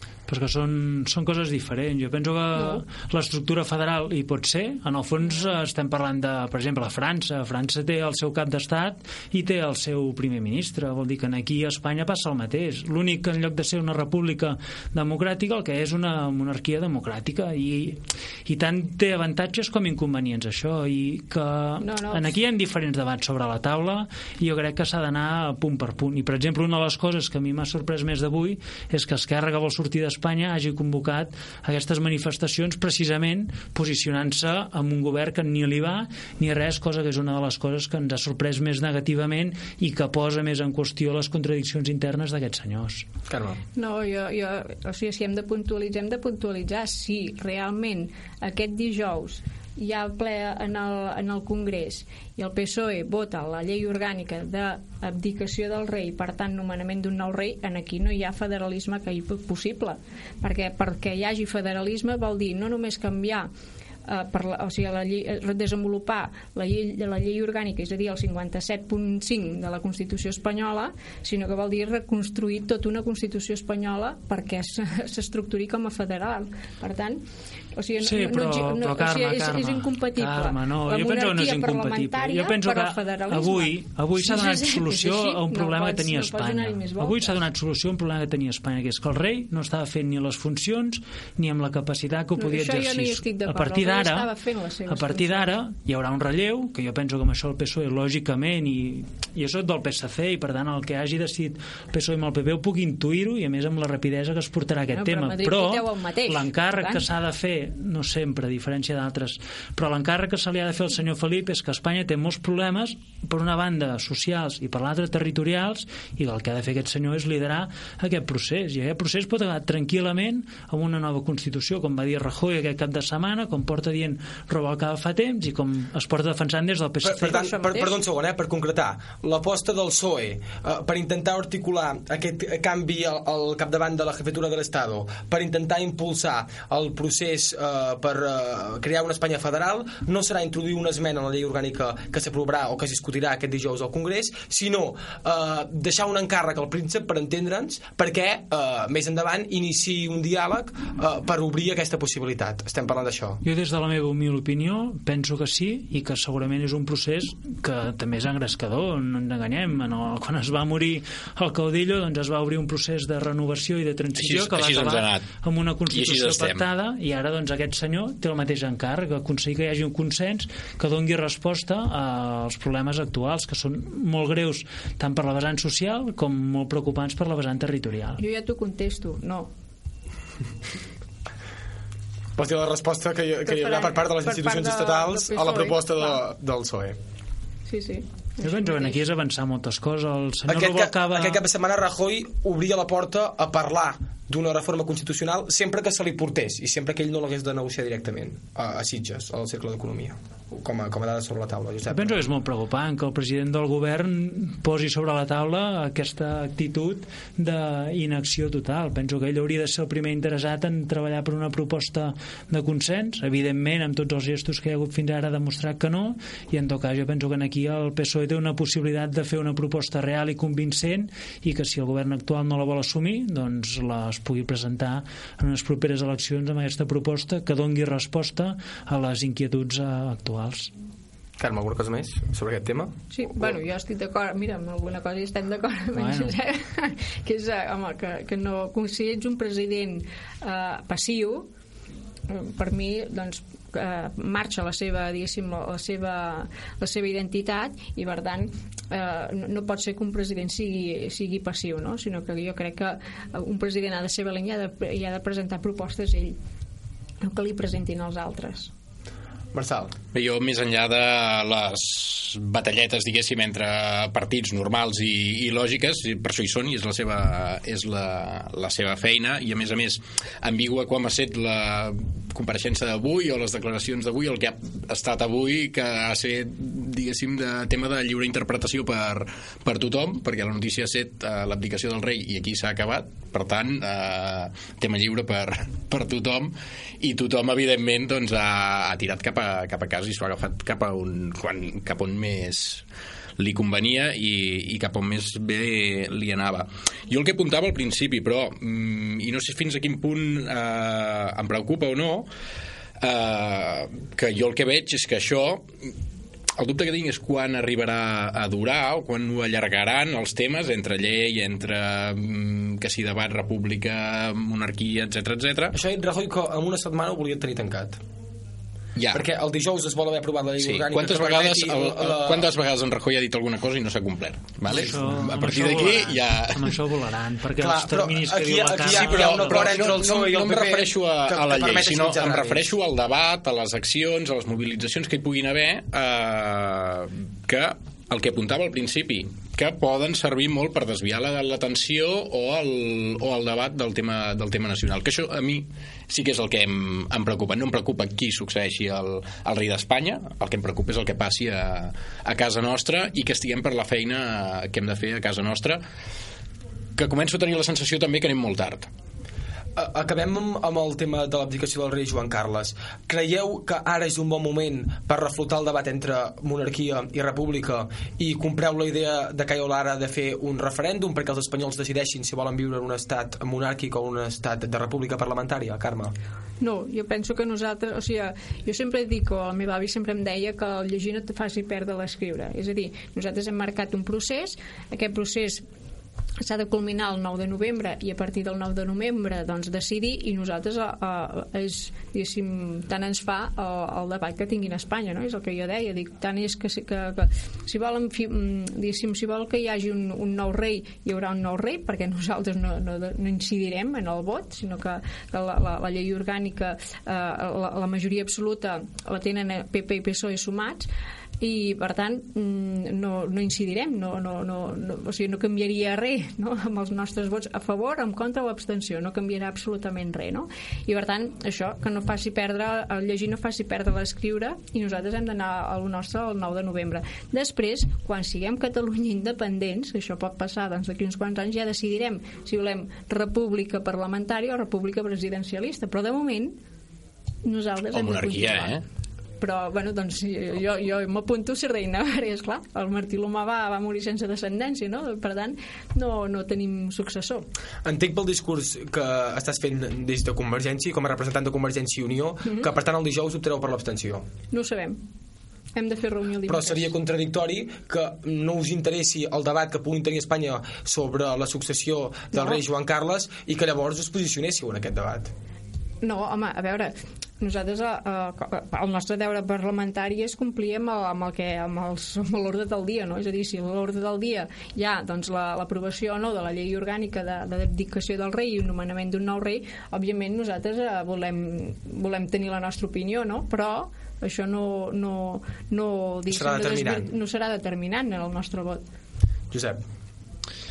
Jo crec que el debat de república i monarquia és important, però jo ho deia al principi, que s'ha de redactar una nova Constitució, que és on realment s'obriran totes les vies, on tots els partits polítics hi han de participar. Jo penso que en aquest procés també s'ha d'obrir a la ciutadania i aquesta s'ha d'acabar validant pel poble, vol dir que serà el referèndum més vàlid i més pròxim en el que podem acabar veient o donant resposta a aquesta necessitat.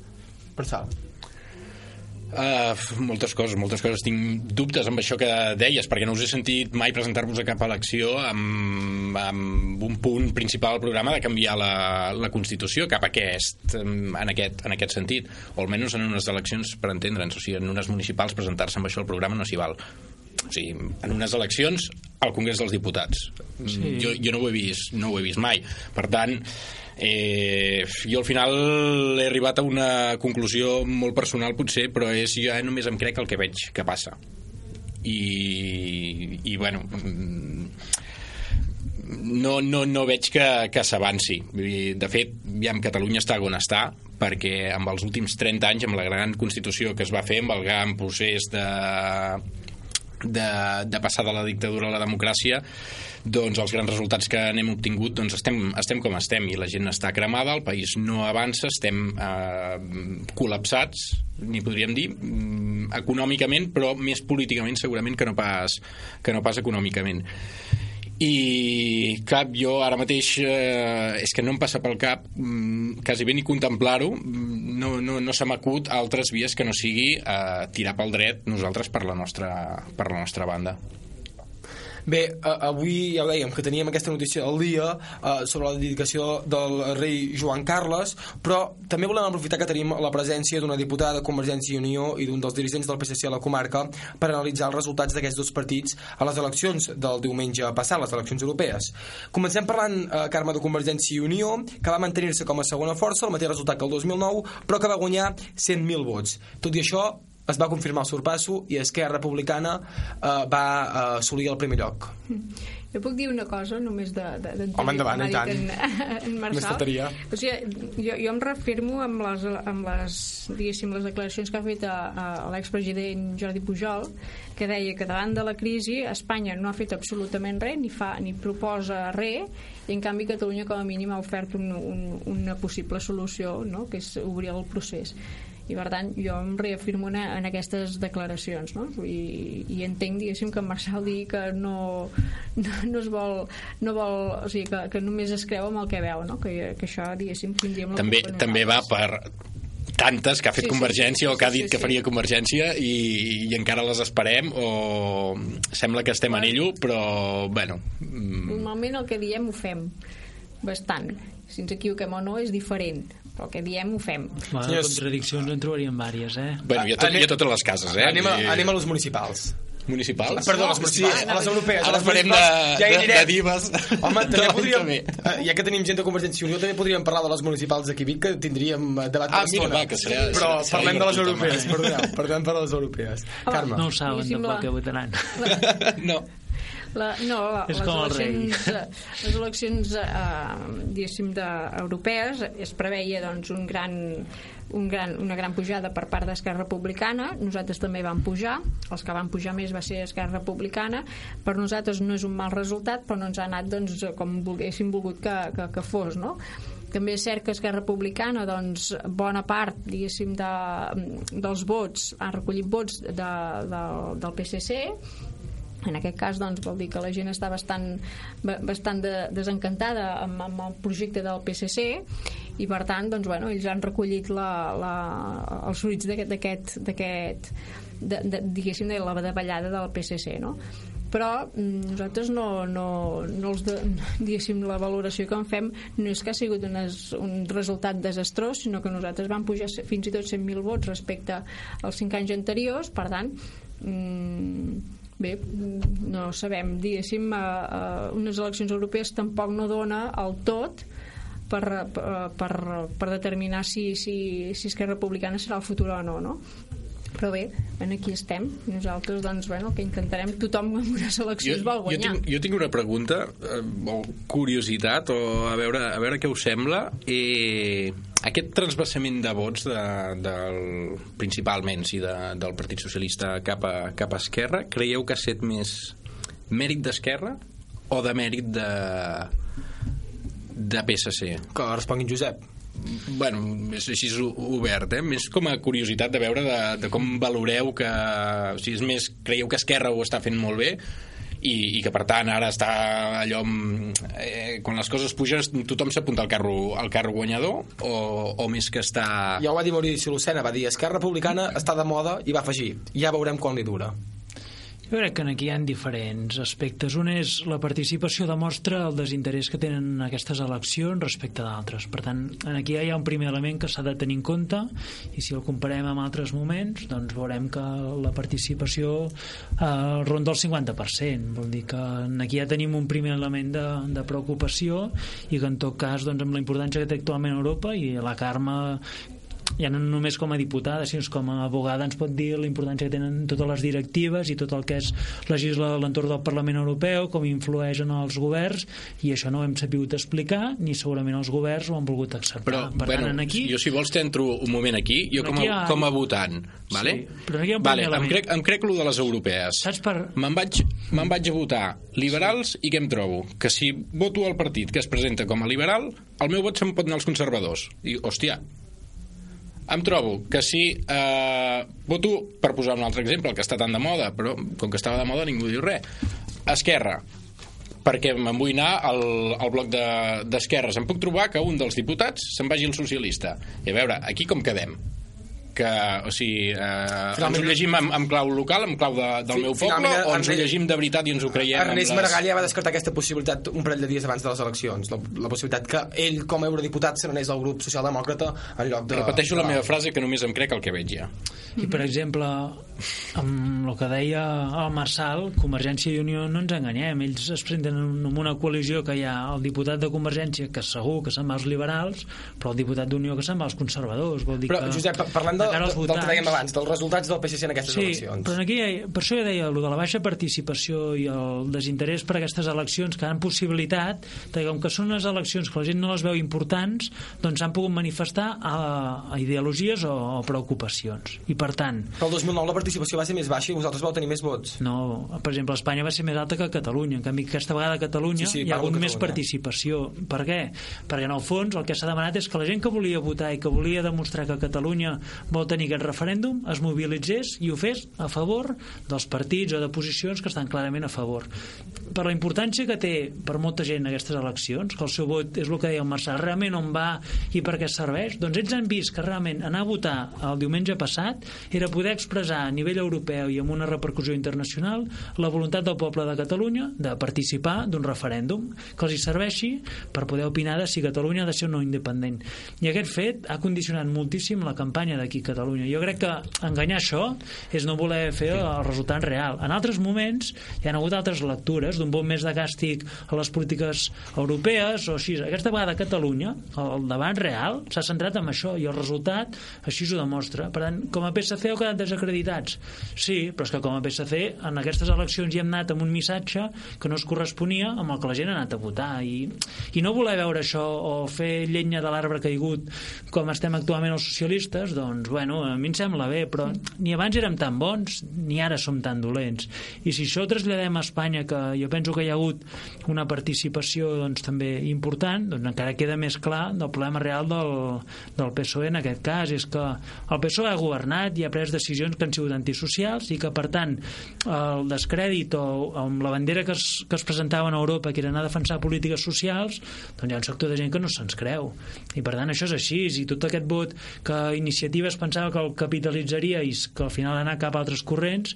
No és res més que això, de que la gent està cremada i que demanen al PSOE que es reinventi i que en tot cas si realment vol ser una alternativa de govern que ho demostri perquè a dia d'avui no ho és. I per tant les decisions que s'han pres a nivell del PSOE i de tots els canvis interns que s'han obert van en aquesta línia. A Catalunya voler associar això a més a més amb, el, amb el, la debilitat actual del PSC, d'acord, però també no oblidem que les pròpies eleccions i les campanyes que s'han engegat en aquí doncs també han condicionat moltíssim el vot i per tant les diferències jo penso que també les hem d'emmarcar en aquest sentit Carme, ja hem d'anar per acabar Sí. ja Jo dues coses. Una, eh, és claríssim que eh, a l'estat espanyol el PSOE i el PP decauen i per tant per això dona la possibilitat de, de l'obertura eh, al creixement de nous partits no? i per tant en aquestes eleccions doncs, vist, s'ha s'ha vist. I l'altra és, a veure, no hem de perdre diguéssim un, un tema de, a, a, europeu, no? que Unió i PNB van, van, van fundar eh, el, el, el, el Partit Conservador de, de l'Estat Europeu, ai, perdó, de- d'Europa, i Convergència va, fer, va, va, va, va iniciar el, el liberal, no? en el PP, ai, en els conservadors, quan va entrar el PP, eh, doncs eh, el va dinamitar aquest, aquest partit conservador i va fundar doncs, el Partit Popular eh, Europeu i en el liberal ara el que intenten és entrar eh, UPyD i els ciutadans per també dinamitar el, el Partit Liberal no? per tant, en aquí diguéssim que Europa no se'ns creu, però no perquè o sigui, Espanya no se'ns creu no perquè siguin eh, diguéssim, siguin anti-espanyols, sinó perquè realment quan, quan els partits espanyols volen fer alguna cosa a Europa el que intenten és, diguéssim, d'imitar els altres que som a Europa, no? Doncs Carme Siós, diputada de Convergència i Unió al Congrés dels Diputats. Moltes gràcies per acompanyar-nos avui. A tu. Josep Paré, també moltes gràcies. A vosaltres. I Marcel Orri, moltes gràcies. Moltes gràcies. No I sé si- felicitats per la temporada. Gràcies, és el que anava a dir ara, no sé si de veu que avui és l'últim programa que fem, per tant, honor. hem d'acabar abans el debat, perquè aquesta última mitja hora eh, la volem fer una mica especial per acomiadar-nos de l'audiència, eh, a la qual estem molt agraïts, com també a tots vosaltres per acompanyar-nos a algunes tertúlies. Pel, fem el piscolabi ara. Sí, ara aquí fora ho tenim tot a punt. Moltes gràcies a tots. Passen 3 minuts de dos quarts de 10 del vespre. Nosaltres fem ara una pausa amb l'agenda per saber quins actes culturals hi haurà a la comarca al llarg d'aquesta setmana i de seguida tornem amb aquesta mitja hora final tan especial que ara comentava. Fins ara mateix.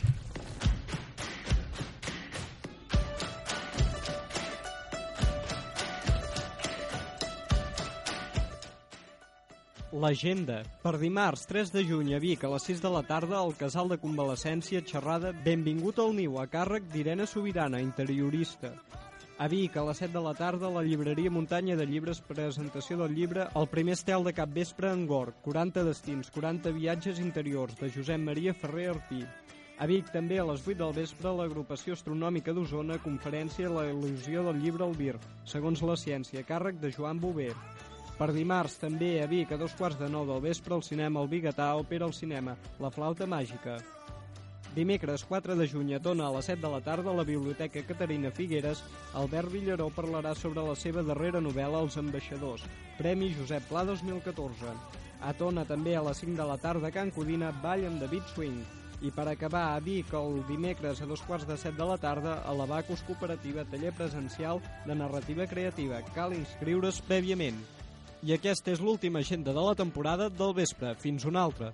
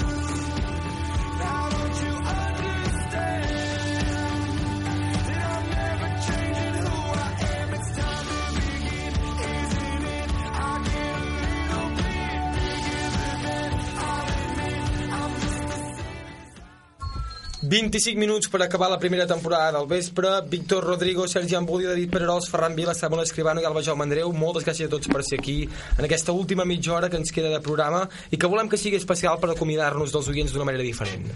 Hola a tots. Hola. Hola. Uh, fa molt goig avui, la, la taula final. És una mica Jordi, desorganitzada. t'has deixat en Xavier mirar el peix, també, eh? No l'he dit, en Xavier mirar el No, peix? no, no. Doncs Xavier mirar el peix... Ah, molt bé, Jordi, així es comença. Així es comença. Perfecte, perfecte. Perquè no havíem sent mai tants. Exacte, clar, és que m'he- descomptat. Avui la part final del vespre comptarà amb la participació de tots vosaltres, els nostres col·laboradors, que sou els que heu fet possible aquest programa. Ara bé, la, la, la part final d'aquest programa avui tindrà fases molt boniques, o sigui que ho podeu acompanyar amb els os pertinents. Uh, però, és clar, Uh, en aquesta temporada hem comès molts errors, tots plegats n'hem comès molts, jo el primer i Ferran, ara en farem un repàs. En farem un repàs de molt pocs, perquè n'hi podrien haver moltíssims, eh, però bé, tenim el temps que tenim. Si us sembla, ara estem molt ben posats, estem tots assentats. Això ens ho podria explicar el Samuel Escribano. Escoltem-lo. Rosa Parks, pionera del moviment americà pels drets civils, va néixer. Aquesta dona és la típica, aquella, aquella típica foto la, de la dona que no va cedir el, el seient de l'autobús, una dona de color que no va cedir el seient de color a, la, a una noia, a una altra noia. El seient de l'autobús, has dit el seient. El seient de color de l'autobús... Eh, sí. sí. Bueno, va ser un petit embolic i ja està. Ja, No, ja cap està, problema. no? És eh, coses del directe, no? Un embolic important, sí. No, important tampoc. Uh, I qui tampoc es va quedar curt va ser el Xavier Miralpeix, però és que hi ha en cada paraula que era... Amb la decisió del Consell Executiu de Plataformes destitueix un polític controvertit pel discurs i també per les formes, un individu que sempre ha viscut de la política ultradretana i que ara de ben segur intentarà reinventar-se per continuar allà on ha set sempre, tur torpedinant la política.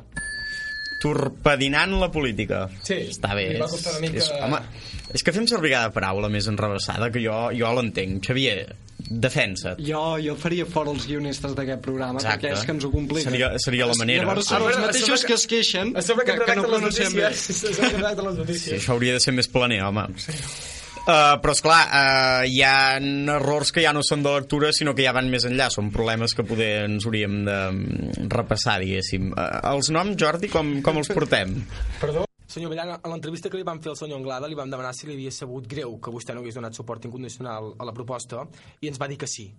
Uh, avui, després d'aquest mes que ha passat i que han pogut tenir converses sobre el tema en aquestes comissions que ara comentava el senyor Puigvila, uh, ha avançat? Ara ho té més clar? El senyor Anglada. El senyor Vila Navadal, Ah, disculpi. d'acord, no, per això.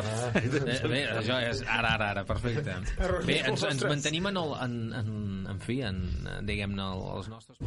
El senyor Anglada... mm, Això, això en Jordi ja ho havia fet alguna altra vegada. Ho havia fet... Ho ho fa sovint, de fet. Tenim, tenim papers... eh, Vostès no ho veuen des de casa, però tenim papers per tota la sala, grossos, eh, posant els noms dels convidats, posant els noms dels tertulians, noms, cognoms, sobrenoms, pseudònims... Ho tenim tot per, per evitar confusions, però tot i això... Però, a veure, això t'excusa perquè passa tanta gent pel programa, venen tants convidats, hi ha tanta gent a la política Sí. biguetana, a la nacional, a la internacional, que és difícil eh, no confondre't amb els noms. Ah, esclar. Jo crec que és comprensible. I, i el programa cada dia el comencem a una hora diferent, no? És allò que no saps mai a quina hora el començaràs i per això un dia ens el volies fer començar a dos quarts de deu. Escolta, La setmana que ve, com sempre, a partir de dos quarts de deu, el, perdó, a partir de les 8 del vespre, els informarem de tot el que ha donat de si. està bé. Jo al final del programa abdicaré. Ah, avui. M'RP avui. Has arribat tard. Ferran, podràs presentar, per fi. Eh? Mira, per Tenies fi. ganes, porta tota Sí. la Jo temporada en un Ferran, eh? La per gent veure perquè si no el sap. programa ha d'estar dirigit per una persona o ha de ser una cosa Però assembleària. hauràs arribat doblement tard perquè avui ja no seràs original, ja ho ha fet una persona prou important. També ho ets tu, eh? Però vull dir... I a més a més s'ha acabat la temporada. avançant, ho dic més que res perquè Ja. ens queda temps. Sí, sí, I sí. si sí. hem d'estar incidint gaire en la meva figura, això es fa, es fa, Va, doncs pesat. no, ara fem una mica de desgreuge pel pobre Jordi, perquè de vegades també som els altres que el fem embolicar, escoltem-ho. Recordem, són fonts eh, de, de la pròpia, del propi Departament d'Esports de TV3 i la notícia no està confirmada i pel que sé de moment no ha sortit cap representant del Futbol Club Barcelona ni a confirmar-la ni a desmentir-la. Sí? Han sortit a desmentir-la, em diuen? No. Hi ha gent que em diu que sí, hi ha gent que em diu que no. Ara en parlem als esports. Uh, bé, Ho veus que això no era culpa però meva? està bé la diversitat d'opinions, Jordi, Clar, jo està a bé. la taula eh, em diuen que sí i em sembla que va ser en David que em va, em va dir sí i llavors em vaig mirar tu i tu em vas dir no o al revés Al revés, però I, sí. esclar, I tenia raó jo, tot sigui dit, però bé. és veritat Sí, sí, sí. no t'ho hem dit mai en directe això Doncs gràcies. Vull dir, gràcies per dir-ho ara. No Exacte. perquè no m'ho hagueu dit mai. No sé si m'explico. Uh, ara tornem al Samuel, perquè és clar, Samuel, aviam, si estem parlant d'un homenatge a un senyor que s'ha mort, uh, dic el seu... Tu, Ferran, surts en algun moment? No, no, O no surt pas, no surt pas. No. Perdó, estem parlant del Samuel. I Sí, d'una sí, cosa sí, molt sí, ja, ja. El problema és que no parlem de tu. Uh, Samuel, si estem parlant d'un homenatge a una persona morta, no podem dir que el seu grup es diu Elèctrica Drama, per favor. Van posar el toc d'humor en una gala que es va dedicar al, al desaparegut component d'elèctrica drama, Josep Fortuny. que per qui no ho sàpiga es diu elèctrica d'arma, no drama. Però, però el canvi de nom era prou adequat pel context, no diguéssim? Està bé i l'Alba, l'Alba que és aquesta mossa que sempre sentim riure, o l'Alba Hola. podria riure una mica perquè No, ara no, ara t'identifiquem no. El primer dia els oients la van conèixer perquè mentre feia el primer editorial del programa vas tossegar tres o quatre vegades seguides. Sí. No, i el primer dia, més de dir bon vespre, vaig dir bon dia. Exacte. Això també ho ha fet veritat. Benafont. Ja la sentirem. No ha arribat encara. Ja la sentirem, ah, perdó, ja la sentirem. perdó. No, l'Alba més aviat s'ha dedicat a, a canviar noms, per exemple, un, un nom que, que és un nom ben francès, Maria Le Pen, doncs ella el va, diguéssim, com si fos japonès, com ho diríem, ja, japonitzar... Ja, El va posar la solapa d'una americana. El Partit Socialista del president s'ha endut un fort revés en uns comicis en què els francesos han qüestionat la gestió d'Hollande, amb la popularitat pels terres. Els socialistes han aconseguit el 38% dels sufragis, un 7% menys que la dreta. El Front Nacional de la xenòfoba Marie Le Pen ha obtingut un 5% dels vots i l'abstenció s'ha elevat fins als 36 punts. Alba, potser ens podries explicar els orígens, mm, no sé, No, no orientals, com es asiàtics de. Marie Le Pen? Uh, està bé. Uh, però de vegades val més dir-ho malament que quedar-se callat. O no, no ho sé, jutgem nosaltres mateixos havent escoltat el Xavier Mira el Peix. El vicedegà de la Facultat d'Empresa i Comunicació, Xavier Ginesta, valorava la jornada. Uh, de les 9 del matí fins a les 7 de la tarda els visitants han pogut gaudir d'un ampli ventall d'activitats. Ah, ah, he de Aquí la culpa continuar. no era d'en Xavier, era que no hi havia el clip. No, aviam, la culpa era que no ens mirava, perquè li estàvem dient que no hi havia clip, no hi havia clip i ell seguia... Perquè ell estava concentrat en la feina que ha de fer. Vull dir, la, la culpa és dels tècnics. No, perdona. Ah, sí, primer guionistes, tothom- després tècnics. tothom- Sí. Però per culpes? Sembla, un debat de Telecinco, ja. Sí. Sembla un debat electoral en aquesta mateixa casa, en aquest mateix programa. Sí, està bé. Uh, I dèieu que jo no sortia a la secció, que no sortiria al recull, i sí que hi surto. Sí, indirectament. No, i surto perquè una vegada em veu donar per mort, Sí, cosa que no és gens et vam No, no. Sí que és veritat, Et sí. vam felicitar en directe, cosa que té molt mèrit, quan a més a més ja no era el dia ni del teu aniversari, i malgrat això t'has fet l'ofès tota la temporada. Doncs em veu donar per mort, escoltem-ho. El 1973, a, a Provença, França, Pablo Picasso, pintor i escultor espanyol, segons altres fonts, va morir el 3 d'abril, està entre aquests dos dies. Com en Ferran. En Ferran va néixer el 3 d'abril, eh? Està bé. Eh? Va morir el Però 3 això és d'abril. Com el Ferran! Ah, Això és perquè abans havíem dit que tu havies nascut un 3 d'abril, vam Clar, però no és ben bé el mateix néixer que morir, però bé, en fi, eh, si tu dius que és com en Ferran, jo no, no sé, no sóc qui Es va, per dir es que va no. entendre o no, senyor? No. No. No. No. Va, doncs, continuem. Acabem, acabem amb aquest problema que ens ha acompanyat també tota la temporada, que si bon dia, que si bon vespre, que si bona nit, que si bona tarda, que si ara és de tarda però surt el sol i per tant ja no queda bé dir Home, la tarda que surti el sol una mica estranya. Bueno, que encara hi és, diguéssim. Posem el clip o què? En fi, què ens va dir la vella font? Això. La cap de cartell és l'antiga propietària de la tralla, Imma Bellafont, que ens acompanya en directe. Bon vespre, senyora Bellafont. Hola, bon dia, bona tarda, vaja. Bona tarda. Fa unes quantes setmanes es donava per fet Està bé content- contestar un bon vespre amb un bon dia i seguidament un bona tarda, és a dir, mm, I després que li zero. contesti bona tarda a ell. Sí, de fet, sí. Tot plegat sembla el joc dels disbarats. Ho vam posar fàcil, eh? Al vespre. Al vespre, el, nom, el mateix sempre, nom ho diu. Sempre que he presentat a la gent uh, dient-li bon vespre, sempre, quan l'encerto amb el nom, eh? Uh, llavors uh, em diuen bona tarda. I et dic sempre bona nit. Tu em bona nit. Jo és que no et contesto. Jo també, que consti, sempre bona nit. Eh, És que depèn de, de, de la franja horària. Si és de 8 a 9 normalment és bona tarda, si és de 9 a, A, a, mi, com que, 10 és a mi com que em doneu els dos últims minuts del programa, normalment... Avui tens tot un quart d'hora. en moment de, en moment de criticar, eh? Identificat, en David. Sí, més sentirent. Ens passa de tots tres, algú. Bé, avui fem uh, un repàs especial a la secció d'audiències. Ens mirarem una miqueta més al malic i analitzarem com ens han anat a nosaltres al llarg d'aquests 6 mesos de vida.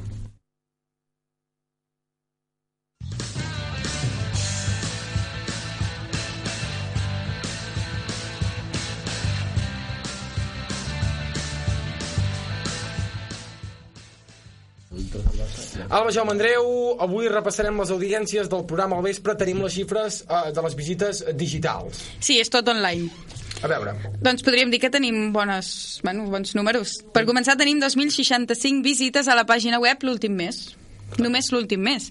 Ah, 2.000, molt bé. 2.065. 2.065. Bueno, doncs tu- Està bé, no, Gairebé no, 3.000, gairebé 3.000. Més 2.000 que 3.000, però... Ja podrem arrodonir, sí, home. I en total, des de l'inici del programa, tenim 8.293 visites. bé. Vull dir que també, també està bé. A mi això em fa por. Perquè vols dir que ens escolta massa gent? O... Em fa por. Sí. fa vergonya saber que l'escolta Sí. tant. Ara potser la gent no sap si estàs viu, si estàs mort... Ara imagina't Tota que un, aquesta un gent t'han 10% buscar. d'aquests hagin sentit el, les nostres pífies. Mm, Ja està. No tenim futur. No, no en Ja tenim, no. Però ja abans d'escoltar les nostres deuen haver escoltat la de la resta de, de, de companys dels mitjans professionals. I per tant... Eh, En fan tantes? Bé, en fi, continuem. Bé, és igual. Fent, Doncs tenim 570 descàrregues dels podcasts del programa sencer i els, poc, podcast dividit en seccions. Trobem que l'última entrevista d'Isaac Paraire per analitzar els resultats de les eleccions a la Unió Europea és el més descarregat i en l'apartat de les tertúlies trobem que la més es escoltada és la tertúlia prèvia a les eleccions del passat 25 de maig. En els podcasts generals han anat creixent les descàrregues amb un total de 800, com ja hem, bueno, com ja hem dit al principi. I vam tenir una petita davallada al mes d'abril, però vam recuperar el mes de maig amb 2.180 visites. És després de dir que en Ferran s'havia mort el 3 d'abril, que Sí. la gent va desconnectar i ja no va... És veritat. No, no, però això té una explicació. Va ser Setmana Santa i vam fer un peron. Ah, d'acord. Esclar, així és. No, més sí, coses, sí. Alba? I en, en l'àmbit del programa no, però de televisió diré un apunt només. Ah. Ja que hem acabat el mes de maig, pues, dic com ha anat. TV3 amb un 13,6% de quota i és la cadena més vista 14 dies del mes a nivell de, de Catalunya. I a nivell de l'Estat, Telecinco és la cadena més vista. Doncs si continuem per aquest camí quasi bé ens superen, va. Perfecte. Uh, Alba, moltes gràcies. De res. I ens podem quedar tots per aquí a la taula perquè ara saludem en David Pererols. Avui, aquest cap de setmana, ja no vam tenir ni jornada de Lliga ni cap final important, però sí que podem fer un balanç general de com ha anat la temporada. Avui que tenim els uh, col·laboradors de Planeta de Deport, en Víctor Rodrigo i en Sergi Embudi a la taula, i també parlar de com s'ha acabat la Lliga a primera catalana amb la Unió Esportiva de Vic. Exacte, comencem primer de tot amb la segona divisió, amb un repàs, i després ja continuarem amb el poliesportiu i després sí que acabarem fent un repàs Barça-Madrid i Atlètic de Madrid, que han estat els protagonistes d'aquest any. Els esports, amb David Pallarols.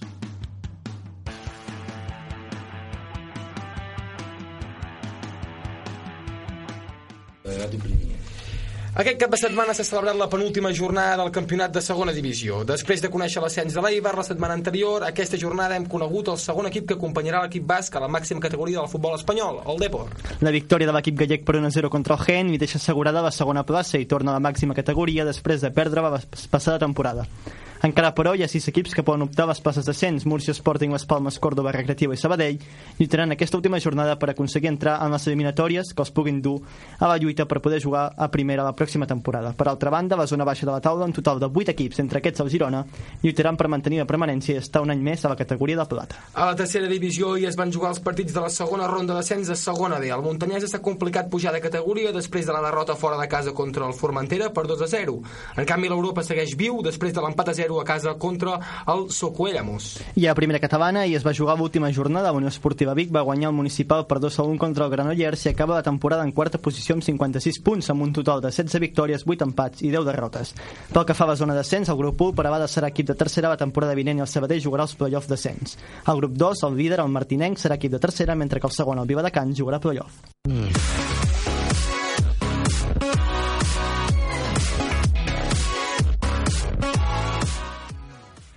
Passem al poliesportiu i comencem amb bàsquet. Aquest cap de setmana s'ha celebrat el segon partit dels quarts de final pel títol de Lliga. La victòria del Barça per 71-95 contra el Caja Laboral i la victòria del Madrid per 95 a 101 contra el CAI Saragossa classifiquen a Barça i Madrid per les semifinals.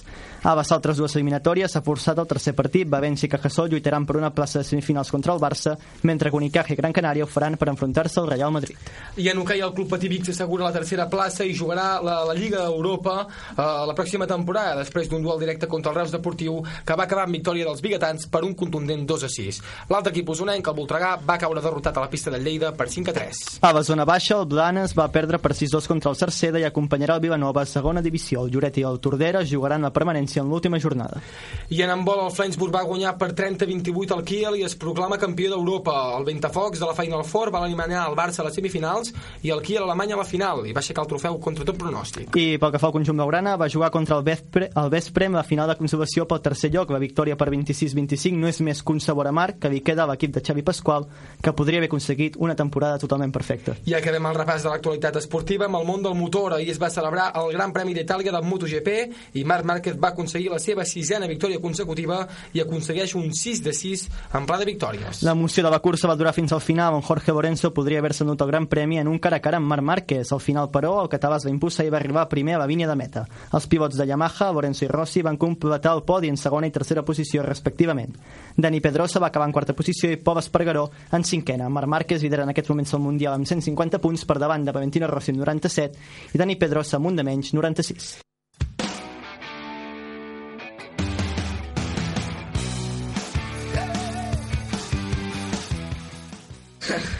Acabem els esports d'avui fent un repàs al que ens ha deixat aquesta temporada a nivell futbolístic. Ha estat una temporada dura pel barcelonisme. Els culers han vist que aquest 2014 s'ha convertit en un any per oblidar.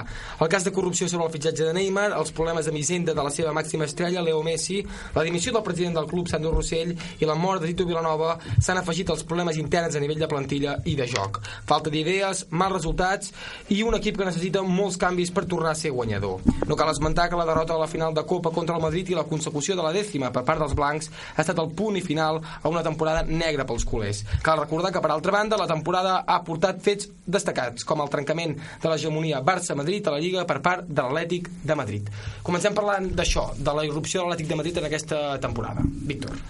Eh, bueno, bona nit, jo que he estat per aquí no he dit moltes coses eh, l'Atlètic de Madrid ja hem vist que té capacitat eh, per lluitar a Europa, ha arribat a la final de la Champions contra el Madrid encara que la va perdre i sí, ja hem descobert que ara a la Lliga Espanyola no només juguen dos equips, sinó que hi juga un tercer, que és l'Atlètica de Madrid, que també hem de veure si sobrevi sobreviurà a l'estiu, perquè es veu que tota Europa es volen portar els seus jugadors i només quedaran tres i l'entrenador. Realment, l'Atleti de Madrid ha estat el, una de les sorpreses d'aquest campionat. Potser no tan sorpresa, tenint en compte la temporada passada que va fer al final i com va començar aquesta amb la Supercopa d'Europa contra el, perdó, l'anterior, quan va acabar amb la final de Copa contra el Real Madrid, ara m'he confós d'any.